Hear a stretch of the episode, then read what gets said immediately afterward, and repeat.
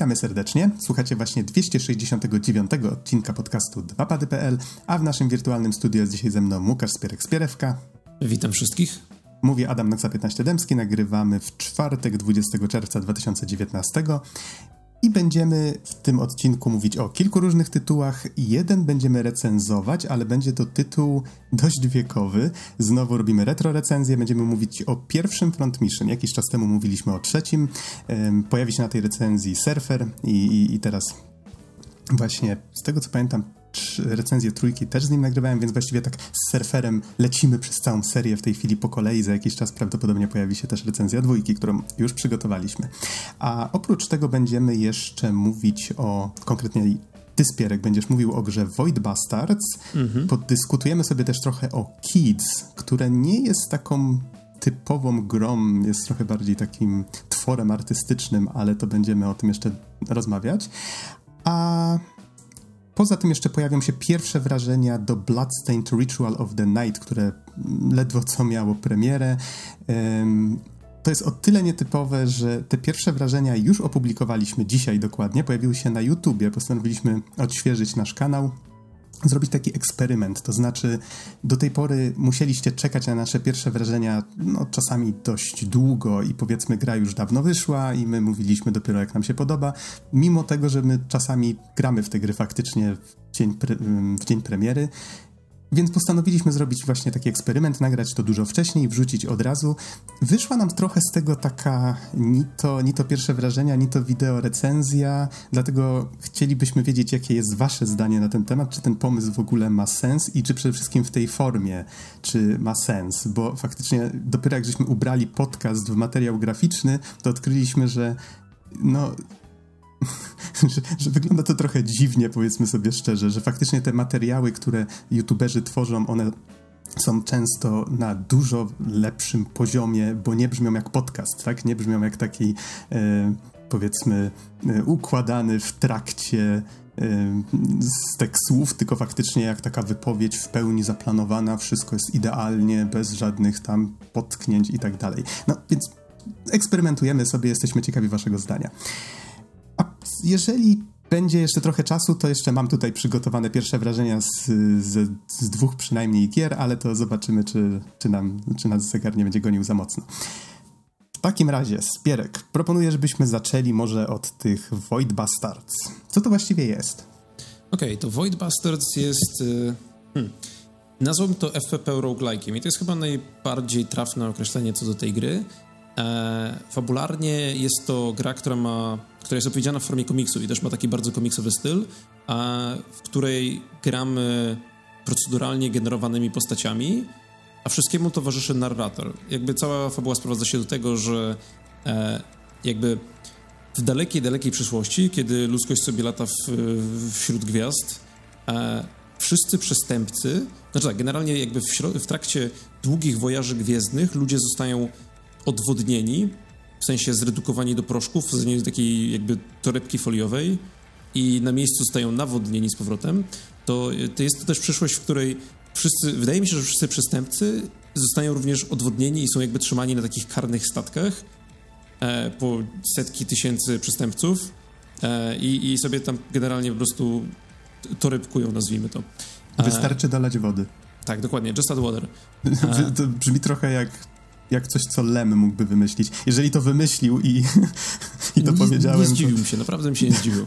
No, jakby fabuła zaczyna się w momencie, w którym nasz statek zostaje zaatakowany przez piratów i cały personel zostaje wbity, więc pokładowe AI, e, nie mając żadnego innego wyboru tak naprawdę, wyciąga nas z naszego odwodnienia i mówi hej, to jest trochę kiepska sytuacja. Jeżeli chcesz na przykład skrócić swój wyrok, to może weź się do roboty i pójdź i przynieś mi to i to, bo potrzebuję tego, żeby naprawić ten statek. I tak generalnie wygląda struktura gry. Jakby e, latamy sobie małym stateczkiem e, pomiędzy różnymi e, opuszczonymi statkami, bo znajdujemy się też jakby w, w, elemencie, znaczy w fragmencie galaktyki, gdzie wydaje mi się, to jakby nie jest do końca chyba wytłumaczone, albo mi to jakoś umknęło, wydaje mi się, że jakby przeszła tędy e, jakaś katastrofa czy coś w tym stylu. Jest bardzo dużo opuszczonych statków, gdzie były personel tych statków został zamieniony w takie mutanty. E, i które oczywiście są reprezentowane jakby paroma generycznymi typami przeciwników, ale o tym, o tym za chwilę. E, więc gra polega na tym, że my jakby podróżujemy pomiędzy tymi statkami, przenosząc się na takiej jakby mapie gwiezdnej trochę ala FTL, od węzła do węzła, one są, są powiązane, jakby przed wejściem na statek widzimy, że jest to statek powiedzmy takiej i takiej frakcji, więc na przykład jeżeli jeżeli jest to statek frakcji bardziej nastawiony na medycynę, to na przykład mówi nam, że jest duża szansa, że znajdziemy tam na przykład strzykawki i znajdziemy tam e, miejsce, gdzie możemy się uleczyć. A, a jeżeli na przykład jest to statek bardziej wojskowy, no to mówi, że tutaj prawdopodobnie będzie więcej amunicji i więcej paliwa. E, więc jakby przed wejściem na każdy statek mamy takie informacje. E, wiemy, jacy przeciwnicy czyhają nas na tym statku oraz wiemy, czy na tym statku znajduje się jakiś e, specjalny zasób, ale o tym za chwilę. E, Właśnie tak game... patrzę, mhm. patrzę sobie na gameplay na drugim ekranie i widzę, że to trochę jak FTL wygląda. Tak, tak, tak, właśnie. W sensie, tak jak wspominałem, jakby to poruszenie się po tej mapie gwiezdnej jest trochę FTL-owe, bo podróżując między tymi węzłami wydajemy zasoby. W sensie, każde przeniesienie się o jeden węzeł kosztuje nas e, jedną jednostkę paliwa i jedną jednostkę jedzenia. I jeżeli skończy nam się jedzenie, to z, e, jakby dalej pobiera nam paliwo, ale wtedy też każdy jakby przeniesiony węzeł E, zabiera nam ileś tam życia. E, nie wiem, co się dzieje, jeżeli nie mamy paliwa, bo nie udało mi się doprowadzić do tej sytuacji e, pomimo przejścia gry. Zakładam, że nie jest fajnie. Zakładam, że wtedy też musimy jakby albo płacić w jakiś sposób, albo gra się kończy. Cokolwiek. Mhm. No, w każdym razie. Tutaj e, tak, tak patrzę, że y, tutaj jak o tym opowiadałeś i jak widziałem ten gameplay wcześniej o tych nodach, o podróżowaniu właśnie za pomocą, t- t- takie mocno umowne przedstawianie akcji, to nie spodziewałem się, że za chwilę zobaczę tutaj strzelankę FPP. Tak, dokładnie. W sensie, kiedy już faktycznie decydujemy, że wchodzimy na statek, to zwykle na takim statku mamy od 5 do 15 minut. I jest, dzieje się tak dlatego, że nasz czas, który możemy spędzić na, tym, na tych proceduralnie generowanych statkach, jest ograniczony za pomocą paska powietrza. W sensie mamy pasek życia i ten pasek życia jest permanentny. W sensie, jeżeli wychodzimy ze statku i idziemy na inny statek, to ten pasek jakby zostaje taki sam. E, przy okazji, znaczy poza tym, że leczymy się podróżując, kiedy konsumujemy jedzenie. I też przed wejściem na statek możemy poczekać ekstra czas, żeby zjeść więcej jedzenia i jakby się uleczyć w ten sposób. E, ale jakby życie jest permanentne, podczas kiedy wchodząc na statek dostajemy pasek powietrza. I ten pasek jakby deklaruje, czy mamy 5 minut, czy mamy 10 minut, bo na przykład na niektórych statkach jest e, e, bardziej oddychalne powietrze w atmosferze, więc możemy tam spędzić więcej czasu. E, plus na każdym statku znajduje się też terminal, który jeżeli do niego pójdziemy, to pozwala nam jakby doładować część utraconego powietrza.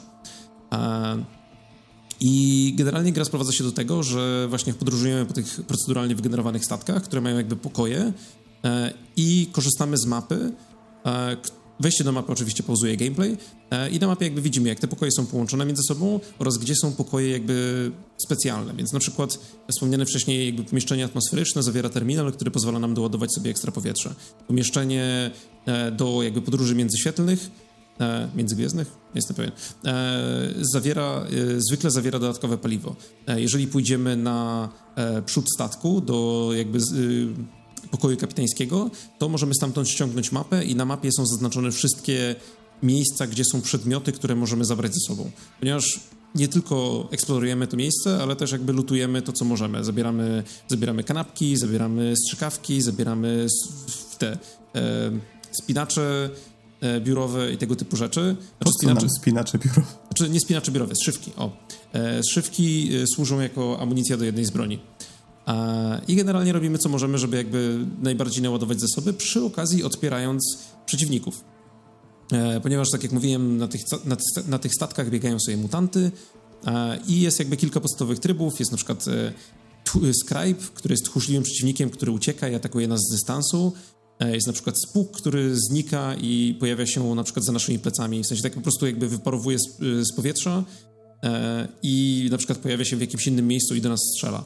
E, I każdy z tych przeciwników ma jakby swoje konkretne strategie walki.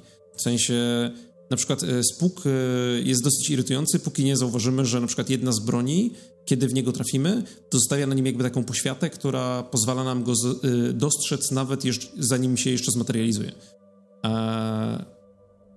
Więc to jakby używając używając konkretnego arsenału, jesteśmy w stanie walczyć z tymi przeciwnikami lepiej lub gorzej i arsenał też jakby zdobywamy w trakcie rozgrywki. E, jeżeli chodzi o jakby typy broni, no to mamy na początku taki standardowy pistolet, który ma 8 naboi w magazynku i musimy go przeładowywać i nie ma tam jakby nic specjalnego.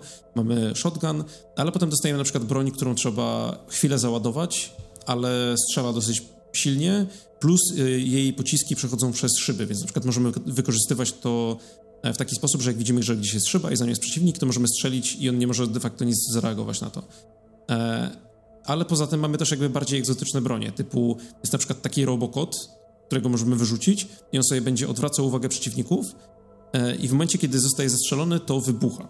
A mamy broń, która na przykład pozwala nam jednego przeciwnika wysłać do innego wymiaru i potem wrócić go z tego wymiaru. Więc na przykład jeżeli mamy jeden typ przeciwnika, którego bardzo, bardzo nie lubimy, to możemy jedną jednostkę tego przeciwnika złapać i jakby trzymać y, przez cały czas na statku w tym jakby innym wymiarze i nie robić z tym nic innego, albo na przykład e, wejść do jakiegoś pokoju, znaczy otworzyć drzwi do jakiegoś pokoju, włożyć go tam, zamknąć te drzwi i je zablokować. Pytanie, mhm. jeżeli wrzucimy przeciwnika do innego wymiaru, po co mielibyśmy go przywracać?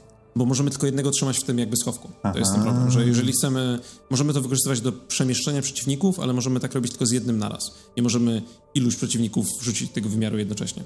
A ktoś by pomyślał, że inne wymiary działają, nie wiem, są bardziej pojemne.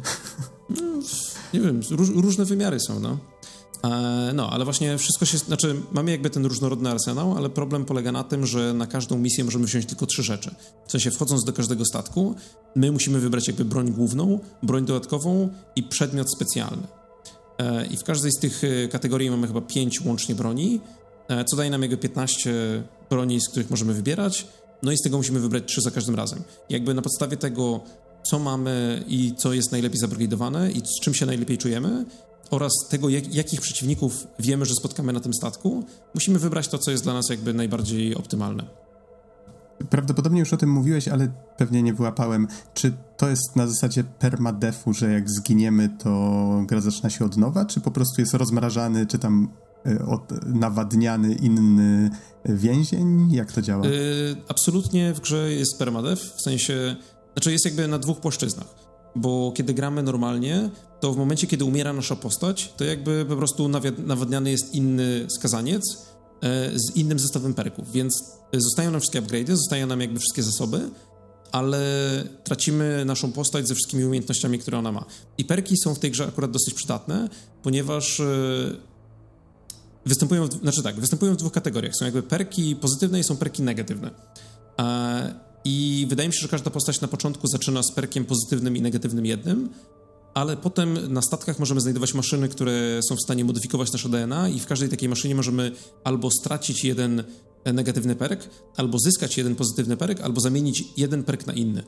E, I są tam naprawdę interesujące przypadki. Na przykład mamy z perków e, pozytywno-negatywnych, nazwijmy to, mamy perk, który sprawia, że wszyscy przeciwnicy, zamiast nazywać się jakby swoim typem, nazywają się po imieniu. Więc na przykład zamiast strzelać do skrybów i skrybów i skrybów, to strzelamy do na przykład Billiego, Barriego i Bena.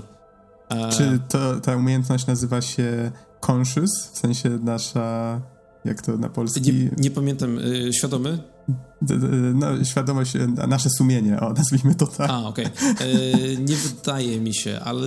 Znaczy nie pamiętam jak się nazywa, natomiast pamiętam, że jest też perk, który nazywa się Overly Formal Aha. i on sprawia, że wszyscy przeciwnicy mają Mister albo Mrs. na początku. Na przykład zamiast to, Scribe jest Mister Scribe. To brzmi jak bardzo przydatna umiejętność, a tak zupełnie poważnie, czy to. Nie, no, ma... znaczy są takie śmieszniejsze perki, ale są też na przykład perki typu karłowatość, która sprawia, Aha. że nasza postać jest połowy wysokości, ale przez to przeciwnicy nas nie widzą z okien i nie mogą do nas strzelać przez okna. E, jest na przykład, e, są na przykład bardziej standardowe rzeczy, typu perk, który zwiększa nam życie o ileś tam, albo na przykład perk, który sprawia, że jeżeli biegniemy, to nie słychać naszych kroków, albo na przykład perk, który sprawia, że dajmy na to automatycznie otwierają się drzwi, kiedy przez nie przechodzimy i się automatycznie zamykają, albo e, jeden z moich ulubionych to Sticky Fingers, który sprawia, że jeżeli przechodzimy obok e, rzeczy, które leżą luźno, to nasza postać automatycznie pod, podnosi, co jest bardzo, bardzo przydatne. Mhm, czyli rozumiem, że to jest takie wymieszanie różnych dziwacznych pomysłów. Niektóre są zupełnie bezużyteczne, ale powiedzmy śmieszne, a inne faktycznie mniej lub bardziej przydatne. Dokładnie tak, dokładnie tak. W sensie. Mhm jeżeli nie umieramy często naszą postacią, to generalnie szybko jesteśmy w stanie znaleźć jakieś takie trzy ciekawe perki, bo limit jest trzy, nie możemy mieć więcej niż, niż ta ilość na jednej postaci. A, okay. a potem jakby decydujemy tylko, czy ok, czy to, co teraz mamy, nas satysfakcjonuje, czy chcemy to wymienić na coś innego. A powiedz a. mi, y, jaki jest cel gry właściwie? Dolecieć tak. w jakieś konkretne miejsce, czy... E, cel gry jest, znaczy grze jakby towarzyszy taka bardzo, bardzo luźnie ustrukturyzowana fabuła, która polega na tym, że musimy przynosić znaczy musimy zdobywać kolejne konkretne przedmioty. I tutaj jakby wchodzi to, o czym mówiłem wcześniej. Wchodząc na każdy statek, mamy informację o tym, czy na tym statku znajduje się specjalny zasób. E, I te zasoby są o tyle ciekawe, że są e, relatywnie unikalne. I to mogą być na przykład rzeczy typu e, taśma izolacyjna, albo jakiś tam podręcznik, albo usunięte jądro, w sensie jest takie jakby jądro w, w takim małym foliowym woreczku. Nie wiem, nie wiem do końca. Da się nie z tego, wiem, da się z tego zrobić pytać. rzeczy. Tak. I musimy jakby łapać te kuriozalia. To jest chyba prawdziwe słowo, tak mi się wydaje. No, musimy jakby łapać te, te rzeczy i powiedzmy dostajemy na przykład misję, że musimy przynieść dwie takie rzeczy i z tego robimy y, przedmiot fabularny. I przedmiot fabularny popycha fabułę do przodu, jakby dostajemy nagrody za spełnienie tej misji, po czym dostajemy kolejną misję i generalnie mamy jakby takich kilka misji fabularnych o rosnącym stopniu trudności, które zmuszają nas do tego, żeby przynosić kolejne przedmioty, które musimy gdzieś tam zdobyć. jakby na każdy, wchodząc na każdy statek, dostajemy informację, że na tym statku nie ma żadnego takiego przedmiotu, albo na 100% znajduje się ten przedmiot i musisz go zlokalizować, bo wchodząc na statek nie wiesz, gdzie on jest, natomiast możesz się dowiedzieć, jeżeli pójdziesz tam właśnie do pokoju kapitana i ściągniesz mapę statku z zaznaczeniem wszystkich lokacji, gdzie są rzeczy, plus gdzie jest ten przedmiot, którego szukasz, ale poza tym jeszcze e, na statku znajdują się skrytki, które można otworzyć tylko za pieniądze, które są kolejnym jakby typem zasobu i z tych skrytek zawsze wypada nam jakiś tam losowo wygenerowany przedmiot specjalny. Więc y, zawsze jest szansa, że jakby ze statku możemy wyciągnąć więcej niż się spodziewamy, a czasami jest tak, że otwieramy i jest tam na przykład duplikat, który już mamy. Mhm. E, tak, nie pamiętam, czy o tym wspomniałeś, ale bardzo podoba mi się oprawa. Wygląda, to, to jest mhm. jakiś cel shading, gdzie wszystko ma taką, taką wyraźną, ostrą krawędź. Nawet jeżeli jest jakiś detal, powiedzmy, na środku ściany czy jakiegoś urządzenia, wygląda to trochę jakby się urwało z Ricka i Mortiego? Nie wiem, czy też masz takie skojarzenia? Nie wiem, czy z Rickiem i Mortim, ale bardziej z takimi jakby klasycznymi amerykańskimi komiksami. E, bo zdecydowanie tak. twórcy szli w taką oprawę i też jakby wszystkie na przykład e, interfejsy użytkownika są wystylizowane na takie mocno komiksowe rzeczy. E, jakby dookoła, dookoła ekranu gry jest cały czas taka ramka, ala komiks i jakby... A faktycznie, nie zauważyłem tak, i, i w grze też jakby E, często pojawiają się właśnie efekty komiksowe, w sensie onomatopeje, jeżeli na przykład coś wybucha, to zostaje taki duży napis boom, e, ale jest też, jest też jedna, znaczy poza tym, że to generalnie wygląda bardzo fajnie, bardzo unikalnie, to jest też jedna jakby rzecz, którą twórcy wzięli z komiksu, która moim zdaniem jest bardzo fajnym pomysłem in general. Mianowicie, jeżeli wchodzimy do jakiegoś, znaczy jeżeli stoimy przed jakimś, przed drzwiami do jakiegoś pomieszczenia, nieważne czy są otwarte czy zamknięte, E, i w tym pomieszczeniu bądź w sąsiednich pomieszczeniach znajduje się jakiś przeciwnik, to na wejściu do tego pomieszczenia e, pojawiają się dymki, takie trochę jakby właśnie komiksowe onomatopeje, które werbalizują dźwięk wydawany przez tego przeciwnika. Więc jeżeli to jest na przykład przeciwnik, który lewituje, to prze, przed wejściem do tego pomieszczenia widzimy taki napis hover, hover, który tak jakby lekko drży. Jeżeli to jest przeciwnik, który tupie, to jest na przykład tap, tap.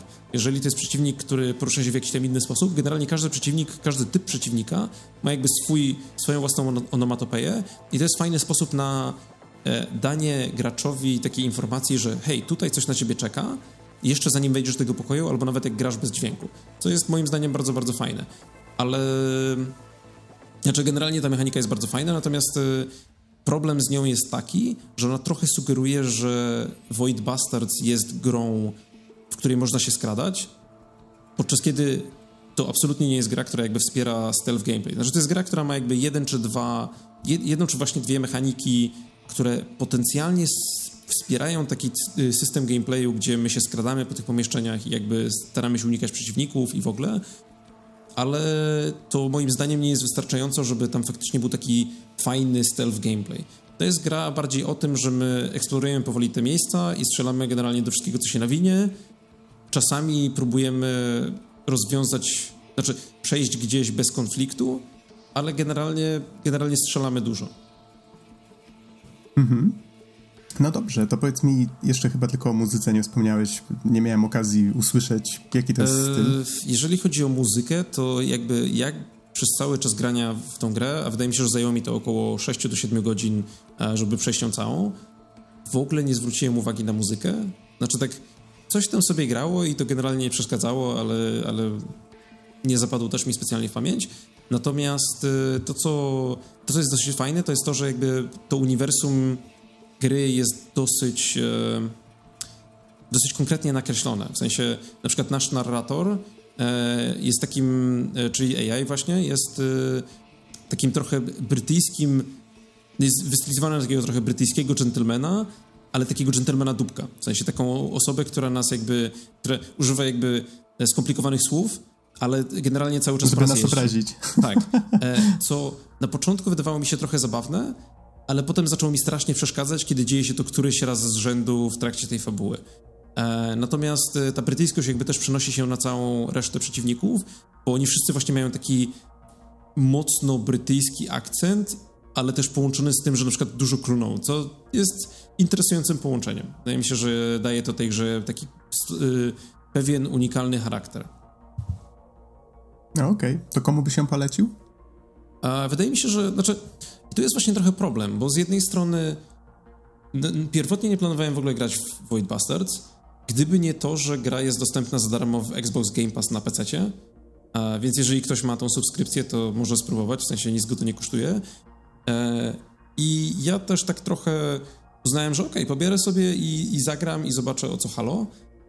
E, I przez cały czas jak grałem w tą grę miałem takie wrażenie, że to jest ciekawa, to jest ciekawa gra, to jest jakby ciekawa fantazja, zrealizowana bardzo kompetentnie, ale też z drugiej strony nie jest ona aż tak bardzo stymulująca. W sensie cały czas jak grałem w tą grę, to miałem takie wrażenie, że generalnie bawię się ok, ale jakby jeżeli odejdę od tej gry i przestanę w nią grać, to już do niej nie wrócę. Nie, mog nie mogłem jakby pozbyć się takiego wrażenia, że, że teraz się bawię dobrze i póki w nią gram, to się bawię dobrze, ale to nie jest jakby coś, co zostanie ze mną na dłużej. E, pomimo tego właśnie ciekawego e, humoru, pomimo tego jakby tego systemu perków, który jest trochę zabawny, pomimo tego jakby unikalnej oprawy graficznej, to jakby brakuje tam czegoś takiego, co by, co by wywyższało tą grę jakby na następny poziom. Nie jest to na przykład, no nie wiem, dajmy Crypt of the Necrodancer, który jest fen fenomenalną grą, która ma jakby dużo ciekawych mechanik, które się łączą razem w jedną super dobrą całość. To jest gra, która jest kompetentna, jest takim dobrym średniakiem 7 na 10. Y, nie bawiłem się przy niej źle, ale też nie mogę jakby z czystym sumieniem powiedzieć tak, kupcie i grajcie i, i, i będziecie oczarowani. Mhm, okej. Okay. E, tutaj patrzę jeszcze na Giant Bomb, bo nie znalazłem strony na wiki. Gra wyszła na PC i Xboxa One i było to 29 maja. Tak, tak więc jest stosunkowo mm -hmm. nowym tematem. Tak, jak tak. na nasze tempo wypuszczania recenzji stosunkowo nowych gier. Oj tak. Jeżeli ktoś nie połapał tytułu, gra nazywa się Void Bastards. Tak, starałem się wspomnieć kilka razy w trakcie recenzji, żeby nie umknęło, bo sam mam ten problem, że jak słucham podcastów i właśnie ktoś opowiada o grze przez pół godziny, to jakby rzuca tytuł na początku i ja potem już y, słucham, słucham, słucham i myślę sobie, ej, to jest fajna gra, ale już nie wiem, jak się nazywa ponieważ przegapiłem tak. to. Kiedy, kiedyś dostaliśmy taki feedback właśnie, więc staram się na to zwracać uwagę, choć często zdarza mi się zapomnieć. Okej, okay. Ta Dobra, mini recenzja. Dalej, to zajęło to, trochę ta, więcej niż myślałem. Ta, no. ta mini recenzja trochę się rozrosła. Przypomnę, że pod podcastem w opisach, nieważne czy słuchacie nas na Spotify, czy w swojej apce, czy na Facebooku też zamieszczamy ten opis. W tym opisie zawsze są timestampy, w sensie znaczniki czasu. Więc jeżeli jakiś temat jakiejś gry was nieszczególnie interesuje, zawsze możecie przeskoczyć łatwo w ten sposób dalej. Yy, może w tej chwili ja na moment wskoczę z grą, w którą no, powiem tak, odpaliłem ją na PSVR już jakiś czas temu. Ona wyszła 28 maja, więc też w podobnym okresie. I nazywa się Blood and Truth. Jest to taki, taki James Bond właściwie na VR i niestety jak gry na VR mają u mnie takiego pecha, że ja je odpalam, stwierdzam wow, ale mi się to podoba i potem nie włączam ich w ogóle od tej pory ani razu. Ehm, przy czym tak, planuję Blood and Truth skończyć, przede wszystkim dlatego, że jest to taka historia od A do Z, czyli po prostu fabularna, siadasz, jesteś po prostu jakby wrzucony w skórę agenta, y, który ma jakąś misję do wykonania i to jest jakby historia, która może się skończyć, tak? Wiesz, że możesz ją odłożyć, nie jest to proceduralnie generowane, nic z tych rzeczy. I Gra zaczyna się w ten sposób, że jesteśmy przesłuchiwani, co nie jesteśmy pewni dlaczego, co się stało. Y, potem jest retrospekcja, czyli jakby nasz bohater opowiada o jakiejś misji, w której brał udział. Ta misja odbywa się na Bliskim Wschodzie i tutaj już wskakujemy jakby w jego buty i możemy sobie e, poruszać się, możemy strzelać i to poruszanie polega na tym, że wszystkie levele w grze, one są ułożone w taki rynnowy sposób, można by powiedzieć. Czyli zawsze poruszamy się do przodu albo na boki, ale nie możemy się na przykład obracać, znaczy no w VR zawsze możemy spojrzeć za siebie, ale chodzi o to, że jakby levele nie są tak skonstruowane, żebyśmy my musieli się obrócić i na przykład pójść za siebie. Nie, cały czas powiedzmy idziemy przed siebie, mamy jakąś furtkę, no to mówią, ok, odstrzel odstrzel kłódkę. No to się uczymy, że jeżeli skierujemy mówy albo padem też można grać, ale nie próbowałem, więc nie wiem jak to się robi, ale jeżeli ma się dwa mówy, to można wtedy przy pasie wziąć pistolet i wtedy celując, no i tutaj oczywiście celowanie w VR-ze, ja przyznam szczerze, nie miałem doświadczenia wcześniej z, ze strzelankami w VR-ze, ale jest to o tyle fajne uczucie, że no faktycznie ta spluwa, no ona celuje tam, gdzie się ręką celuje, więc w sumie nie, nie tam, gdzie patrzymy przed siebie, y, możemy na przykład y, strzelać gdzieś na oślep, ale jeżeli chcemy dokładnie wycelować, no to musimy faktycznie przez y, szczerbinkę tam spojrzeć, wyrównać, tak? Możemy włączyć tryb, który wyświetla taki biały laserek od broni, no wtedy gra robi się naturalnie prostsza, przy czym jeżeli dobrze pamiętam, pisała, była taka informacja, że jeżeli wybiorę taki tryb, to nie będę mógł dostać chyba wszystkich trofeów, no jak, jakaś taka się pojawiła. I jeżeli rzadko gracie w gry VR-owe, to od razu ostrzegam, jak tylko gra się was na początku zapyta, czy chcecie tryb komfortowy, weźcie tryb komfortowy. On robi taką winietę czarną dookoła, która sprawia, że właśnie na, na skraju wzroku nie widzicie e, szybko ruszających się rzeczy. I to zdecydowanie pomaga, jakby gra nie jest albo inaczej, jeżeli ten tryb jest włączony, to wtedy jest komfortowo, faktycznie jest ok. Natomiast jeżeli ten tryb był wyłączony, to było kilka takich momentów już na początku gry, gdzie poczułem się dziwnie. Jest na przykład taki moment, kiedy bohater wchodzi po drabinie i o ile na przykład, jeżeli wybieramy miejsce, do którego chcemy się udać wzrokiem i potwierdzamy, no to bohater idzie przed siebie, no to jest jeszcze coś, co na przykład Wipeout wykorzystywał, wiele innych gier. Jeżeli ten ruch kamerą jest płynny, ale jest do przodu, no to jest do zniesienia. Ale w pewnym momencie gra mówi na przykład, że naciśnij ten przycisk, żeby strajfować i się porusza po prostu bokiem. I to jest taki insta, insta żyk, jak to, jak to się mówi e, niekiedy. I tutaj Już właśnie... myślałem, że powiesz, że siedziałeś na tej drabinie i spojrzałeś w dół i to był problem. Spodziewałem się tego strajfowania. A, no a natomiast z drabiną to chodzi o to, że to, to był akurat fajny motyw, bo y, gra jakby wyświetla ci miejsca, które musisz chwycić, więc musisz jakby w przestrzeni te mowy umiejscowić w mhm. odpowiednim miejscu i musisz wykonać ruch do dołu i wtedy kamera leci do góry, więc niejako mózg, dociera do mózgu jakaś taka informacja, że okej, okay, że to ja wykonuję jakąś akcję, więc teoretycznie powinno być dobrze, no ale nadal jest to ruszanie kamerą, więc coś, co potencjalnie niektórych może wprawić właśnie w jakieś mm, nieprzyjemne sensacje żołądkowe.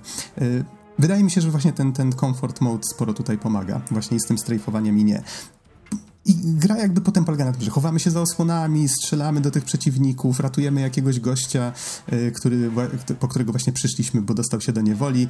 Oczywiście wysadzając drzwi, jak gra tylko powiedziała, zastrzel wszystkich, no to zastrzeliłem wszystkich łącznie z osobą, którą miałem uratować. Dałem grę do sprawdzenia Bizonowi, jak u mnie było ostatnio, jak żeśmy oglądali razem mhm. konferencję Microsoftu i Bizon po prostu z takim z takim uciechem na twarzy zabijał tego gościa dosłownie co minutę. My już myśleliśmy, że Bizon zaraz pójdzie do następnego pomieszczenia, a on mu pach w plecy. Bizonie, jeżeli tego słuchasz, to uwieczniłem twoje dzieło właśnie na podcaście. E, ale tak, Bizonowi też się bardzo podobało, gra jest solidnie zrobiona. To strzelanie sprawia sporo frajdy i przede wszystkim akcja leci bardzo szybko do przodu. Czyli... Powiedzmy uratujemy tego gościa i nagle, dobra, musimy uciekać. No jak w hollywoodzkim filmie, znajdują jakiś samochód, ale żeby do tego samochodu dobiec, trzeba gdzieś tam poskakać po dachach i, i tych terrorystów gdzieś tam e, potraktować ołowiem. E, potem akcja przenosi się do Londynu i tam już, e, tam już trochę zwalnia, to znaczy zwalnia w takim sensie, że jest dużo dialogów, jest właśnie budowanie tego backstory i jakby tłumaczenia, że rodzina głównego bohatera zajmuje się jakimiś brudnymi um, interesami, że to właściwie jest jakaś taka rodzina mafijna i jego ojciec niedawno zmarł, właśnie przylatuje do Londynu, żeby, um, żeby właśnie na pogrzeb żeby spotkać się ze swoimi bliskimi i dotarłem do momentu, w którym jakby inna rodzina mafijna stara się przejąć ich e, interesy. I oni próbują się zemścić, próbują właśnie mm, jakby wyrównać e, rachunki. Więc tak się zaczyna cała historia, jak się kończy nie mam jeszcze pojęcia. Niemniej póki co jestem zaintrygowany, gra się po prostu przyjemnie, fajnie i, i z tego co widziałem gra zgarnia całkiem fajne, e, fajne oceny, dobre recenzje. No jedynie minus jest taki pewnie dla niektórych, że jest ekskluzywem na PlayStation 4, no i na PSVR, mhm. czyli bez PSVR-u się nie pogra. I to myślę tyle, chyba że masz jakieś pytania na temat Blood and Truth. Tak, znaczy z tego co się orientuję, to jest mm -hmm. to y, jakby ekipa, która robiła tą grę, to jest wewnętrzne studio Sony i to są chyba ci sami ludzie, co też robili London Job czy London Heist? London Heist to się nazywało chyba. Mm -hmm. nie, nie, jestem pewien, ale mm, już... Znaczy, wygląda bardzo podobnie -hmm. w mhm. pewnych założeniach, więc wydaje tak, mi się, że chyba są odpowiedzialni ci sami ludzie. Tak mi się obiło, ale nie sprawdzałem tej informacji, więc nie jestem pewien. Natomiast studio, które tworzyło grę nazywa się um, Sony, Sony Interactive Entertainment London Studio to wydaje mi się, że to są chyba ci sami. E, mhm. I mówisz, że ty grę już skończyłeś, czy jeszcze nie? Nie, nie, nie, nie, nie. Ja raptem początek liznąłem. Aha, Przeszedłem okay. prolog i jakby zacząłem ten, tę fabułę główną. E, aktorzy tam do nas rozmawiają, wszystko wygląda całkiem ładnie. No trzeba przyznać, że gra, jeżeli chodzi o wizualia, to wygląda solidnie. Mhm. Więc to, to jest taki... Widać, że to jest wysokobudżetowy e, tytuł na, na VR. Mhm. tak, znaczy ja przede wszystkim jestem ciekaw tego, jak... Jak długa jest ta gra i jak dużo w niej jest kontentu, bo z tego, co opisujesz, to brzmi jak faktycznie takie pierwsze naprawdę porządne podejście do takiej mocno kinowej gry na VR, która ma jakby taką konkretną fabułę i jesteś jakby cały czas w środku akcji. Ciekaw jestem, czy to jest właśnie takie, powiedzmy, nie wiem, godzina czy dwie godziny, czy to jest takie bardziej na przykład 10 godzin rzeczy, które się dzieją. Wydaje mi się, że już spędziłem z tą grą tak spokojnie godzinę, może więcej. Spodziewałbym się raczej, że to jest taki tytuł na 6, może około godzin. Ciężko mi mhm. powiedzieć. Mhm. Domyślam się, że mógłbym to w jakiejś recenzji wyczytać, no ale niestety nie miałem okazji. Yy, Dobra. Okej, okay. to może przejdźmy dalej, czyli to było Blood and Truth, a teraz może opowiedzmy o czymś razem i powiedz mi, jak, jak właściwie odbierasz Kids czyli dzieciaki, tak? Jak można by to mhm. nazwać. Na jakiej platformie grałeś? Ja grałem w Kids na iOSie. Grałem na mhm. iPhone'ie konkretnie, w sensie na małym ekranie. E, próbowałem grać na iPadzie, bo zwykle, zwykle jeżeli gram w gry jakby trochę bardziej premium, nazwijmy to, to staram się w nie grać na iPadzie, bo to jest trochę większy ekran, ale akurat tutaj miałem problem z App Storem, który jakby zarejestrował moją płatność, pozwolił mi pobrać grę na iPhone'ie, ale nie pozwolił mi jej pobrać na iPadzie. W sensie przycisk pobierania cały czas zamieniał się w ładowanie i z powrotem w y, pobieranie, więc coś tam poszło nie tak. Aha. Ale to jakby nie, nie okay. jest problem twórców. To wydaje mi się, że po prostu tablet zwariował. Wydaje mi się, że uznał, że gra już jest pobrana, podczas kiedy nie była pobrana. Okej, okay. no ja grałem na Androidzie, przy czym e, no właśnie, tutaj nie mam tej informacji przed oczyma, ale na czym można zagrać jeszcze? Chyba na PC-tach, tak mi się wydaje. A, powinniśmy to sprawdzić wcześniej, ale to jak masz okazję, to... Yy, tak, już. Yy, iOS, yy, Google Play Store, czyli Android, e, Steam, itch.io i Amazon App Store. Okej, okay, to, to trochę ułatwia sprawę, dzięki. E, natomiast sama gra jest właściwie częścią takiego większego projektu artystycznego, w którego skład, jak się od ciebie dowiedziałem jeszcze przed nagrywaniem, wchodzi właśnie gra, wchodzi film, który właściwie taki krótki, To jest taki film, tak. zbiór tak. shortów 10-minutowy. Mm -hmm. Tak, który właściwie można by potraktować jak filmik z gameplayu, gdyby nie to, że z tego co mi mówiłeś, tam są też jakieś fragmenty, y, których w grze nie ma, tak? Mhm. Y, do tego dochodzi jeszcze, jak to nazwałeś? Y, instalacja, Instalacja tak? artystyczna. artystyczna. tak. Bo jakby idea jest taka, że jest to oczywiście gra, którą można pobrać na swoim urządzeniu i zagrać w domu, ale jest to ona też prezentowana na po prostu wystawach artystycznych w galeriach e, e, sztuki nowoczesnej różnych miejscach na świecie tak naprawdę. A do tej pory była na przykład prezentowana w Japonii, albo w Danii, albo w, Chorwa w, tfu, w Wielkiej Brytanii, A więc trochę sobie jeździ i gdzieś tam można ją znaleźć. Mhm, tutaj widzę na oficjalnej stronie, że y, odpowiada za ten projekt dwóch twórców. Jest to twórca filmowy, mam nadzieję tutaj, że za mocno nazwisk nie przekręcę, Michael Frey i game designer Mario von Rickenbach. Mhm. I oni razem właśnie stworzyli coś takiego. I, I może, żeby nakreślić, jak to właściwie wygląda, mamy biały ekran, na którym poruszają się białe ludziki z czarnym y, obrysem, czarnym cieniem pod nogami, i to jest właściwie wszystko. Tak. I to jest jakby opisałeś, opisałeś to, jak to generalnie wygląda. Znaczy tam jest trochę wariacji oczywiście, czasami ekran nie jest biały, czasami ekran jest czarny. Czasami, na, czasami na środku znajduje się duża czarna dziura. tak, ta czarna dziura jest tak, powracającym ten, motywem. ten dwutonowy styl artystyczny zostaje bezwzględnie zachowany przez całe doświadczenie, które też swoją drogą nie jest specjalnie długie. Całą grę da się skończyć w 15 do 30 minut wydaje mi się, że żeby jakby spędzić tam 30, to trzeba się naprawdę, naprawdę powoli rozglądać i powoli przez to iść. E, I sama mhm. gra też ma właśnie taką strukturę winiet, w sensie krótkich, krótkich historii, nazwijmy to, albo opowieści, ale nawet historii i opowieści to jest to trochę za dużo powiedziane. To jest, tak, to jest bardziej, jest to zbiór sytuacji, które my musimy rozwiązać, zinteraktować z nimi w konkretny sposób, żeby móc przejść do następnej sytuacji. Nie jest to nie jest to fabuła w normalnym tego słowa znaczeniu, w sensie nie ma tam jakby e, wydarzeń, które składają się w jeden ciąg, który prowadzi do czegoś. To jest bardziej jakby zbiór osobnych opowieści, które są zbudowane dookoła centralnego motywu. Jakby centralny motyw całej gry to jest dynamika grup. E, I symbolizuje to się to właśnie tym, że mamy w tych różnych mikrosytuacjach e, takie rzeczy jak e, dużo osób stoi dookoła e, właśnie takiej dziury. I my naszym palcem, jak klikamy na konkretne osoby, to one zaczynają powoli wpadać do tej dziury. I jakby musimy wywpadać wszystkich do dziury i wtedy możemy iść do następnej sytuacji. Następnej właśnie sytuacji to, to, to, jest hmm? właśnie fajne, tak przerwę ci na moment, że y, gra nie mówi nam, co mamy robić. My tak naprawdę patrzymy na ten ekran, na tak. nim się czasem dzieją dziwne rzeczy i w pewnym momencie tak jakby niepewni, czy to właśnie tego gra od nas mhm. oczekuje, po prostu zaczynamy na, dotykać ten ekran. I tak. wtedy dziwne rzeczy się dzieją. Czasami właśnie, tak jak mówisz, wpadają do dziury, innym razem na przykład mamy grupę, o, znaczy grupę, właściwie osobno stojące osoby w różnych miejscach i wskazują palcami w różne miejsca i, i tam mówi, nie, mhm. pójdźmy w tę stronę, ale jak naciśniesz, no dobra, pójdźmy w tę stronę, tak? I to, to są mhm. takie scenki, że jak już przebrniemy przez taką scenkę, to jeżeli nie myślimy nad tym, co się stało, to właściwie tak, o, dobrze, mam kolejny level, tak? I można tak do tego mhm. podchodzić, aż gra się skończy i widzimy napisy końcowe.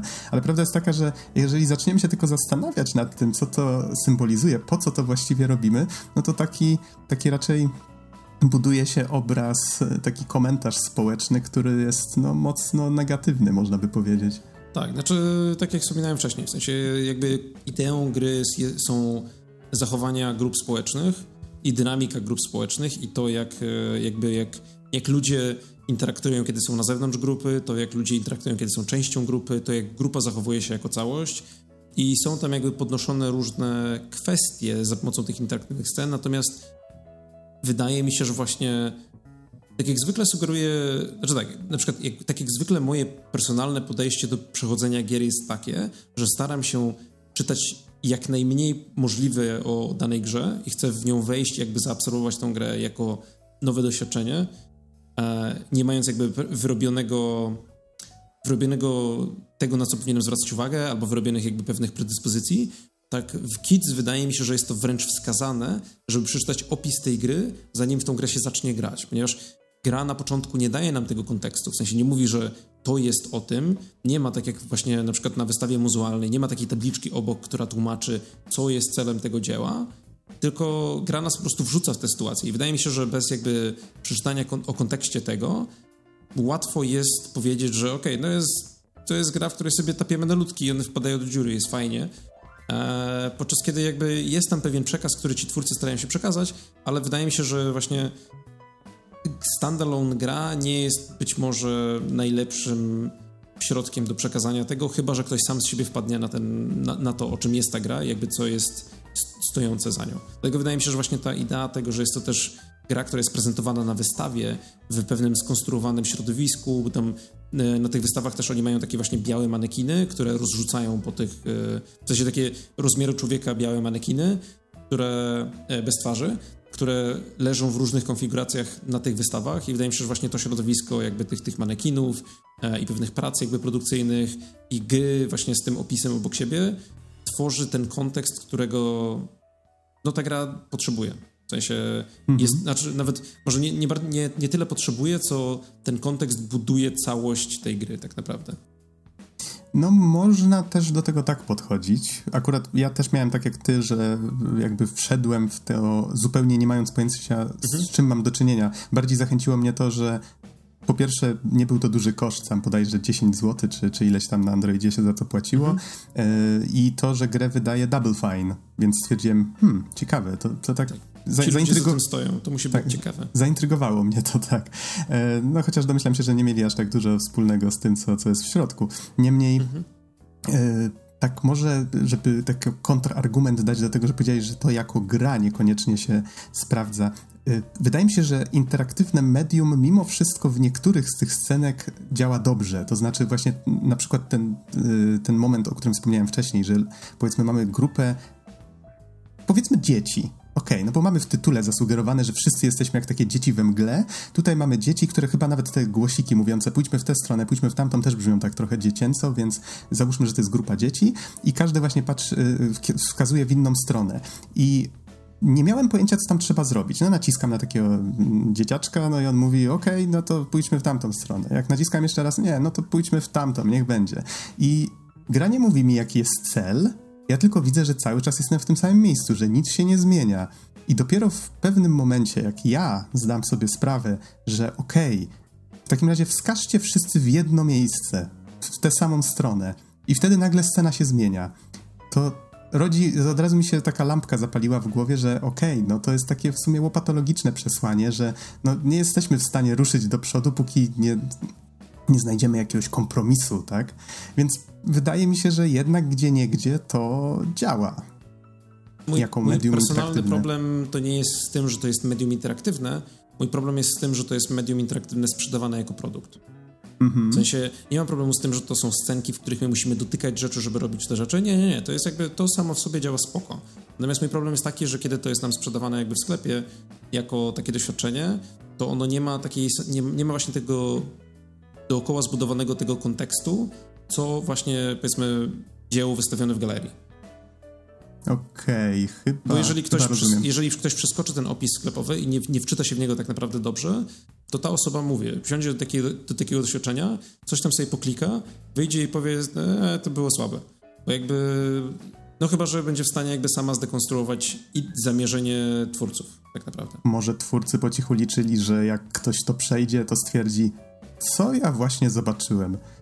I, i zacznie nie szukać informacji. Bo to są twórcy, którzy też mają jakby, mają jakby pewne, e, pewien background w robieniu tego typu wystaw, więc wydaje mi się, że to jakby to od początku było widziane jako projekt, który miał być e, artystyczny i właśnie też pokazywany w kontekście wystawy, etc.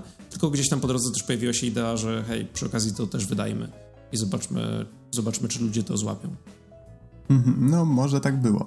Y, niemniej widziałem, że jakieś takie analizy się pojawiają w sieci, więc jeżeli ktoś przeszedł i nie ma pojęcia, w co właśnie zagrał, to, to może właśnie może znaleźć takie teksty, trafić na nie i faktycznie widziałem, że tam ludzie czasami dochodzą do, do, do różnych wniosków, ale e, e, raczej są to takie negatywne wnioski, tak, że każdy przez pryzmat siebie patrzy na te wydarzenia i tak mówi, że tak, to faktycznie jest to, to, to, trafia w sedno, tak? Mimo, że to właściwie to, to może znaczyć cokolwiek dla kogokolwiek.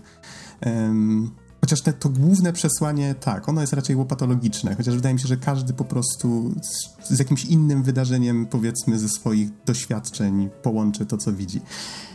Mhm. Ja osobiście uważam, że jakby mój główny zarzut do tej gry to jest jej długość, co jest dla mnie co jest dla mnie trochę nietypowe, bo jestem osobą, która zwykle patrzy na coś w kontekście tego, że nawet jeżeli to jest coś, co kosztuje 60 dolarów, a, a gameplayu tam jest 10 albo 15 minut, ta, jeżeli to jest 10 albo 15 minut najlepszego gameplayu w moim życiu, to jestem ok z tą ceną. Natomiast y, tutaj jakby nie jest to gra, znaczy jest to gra, która jest premium, ale ona nie, nie jest specjalnie droga, natomiast te 15-20 minut moim zdaniem nie jest. Znaczy, niby jest wystarczającą ilością czasu, żeby przekazać ten kontekst i te sytuacje, na które twórcy chcieli, żebyśmy spojrzeli, ale zostawia pewien niedosyt w moim odczuciu, który jest potęgowany też przez to, że bardzo duża część tej gry jest mechanikami, które są wykorzystywane jeszcze raz w taki sposób. Znaczy, yy, powiedzmy, jest pewien typ scenki, który na przykład polega na tym, że przesuwamy ludzi dalej w ciągu takiego. Znaczy, jakby ludzie y, są przesuwani po takim jakby torze e, takiej krzywej. Trochę jakbyśmy kogoś przyciskali przez takie no, jelito, nazwijmy.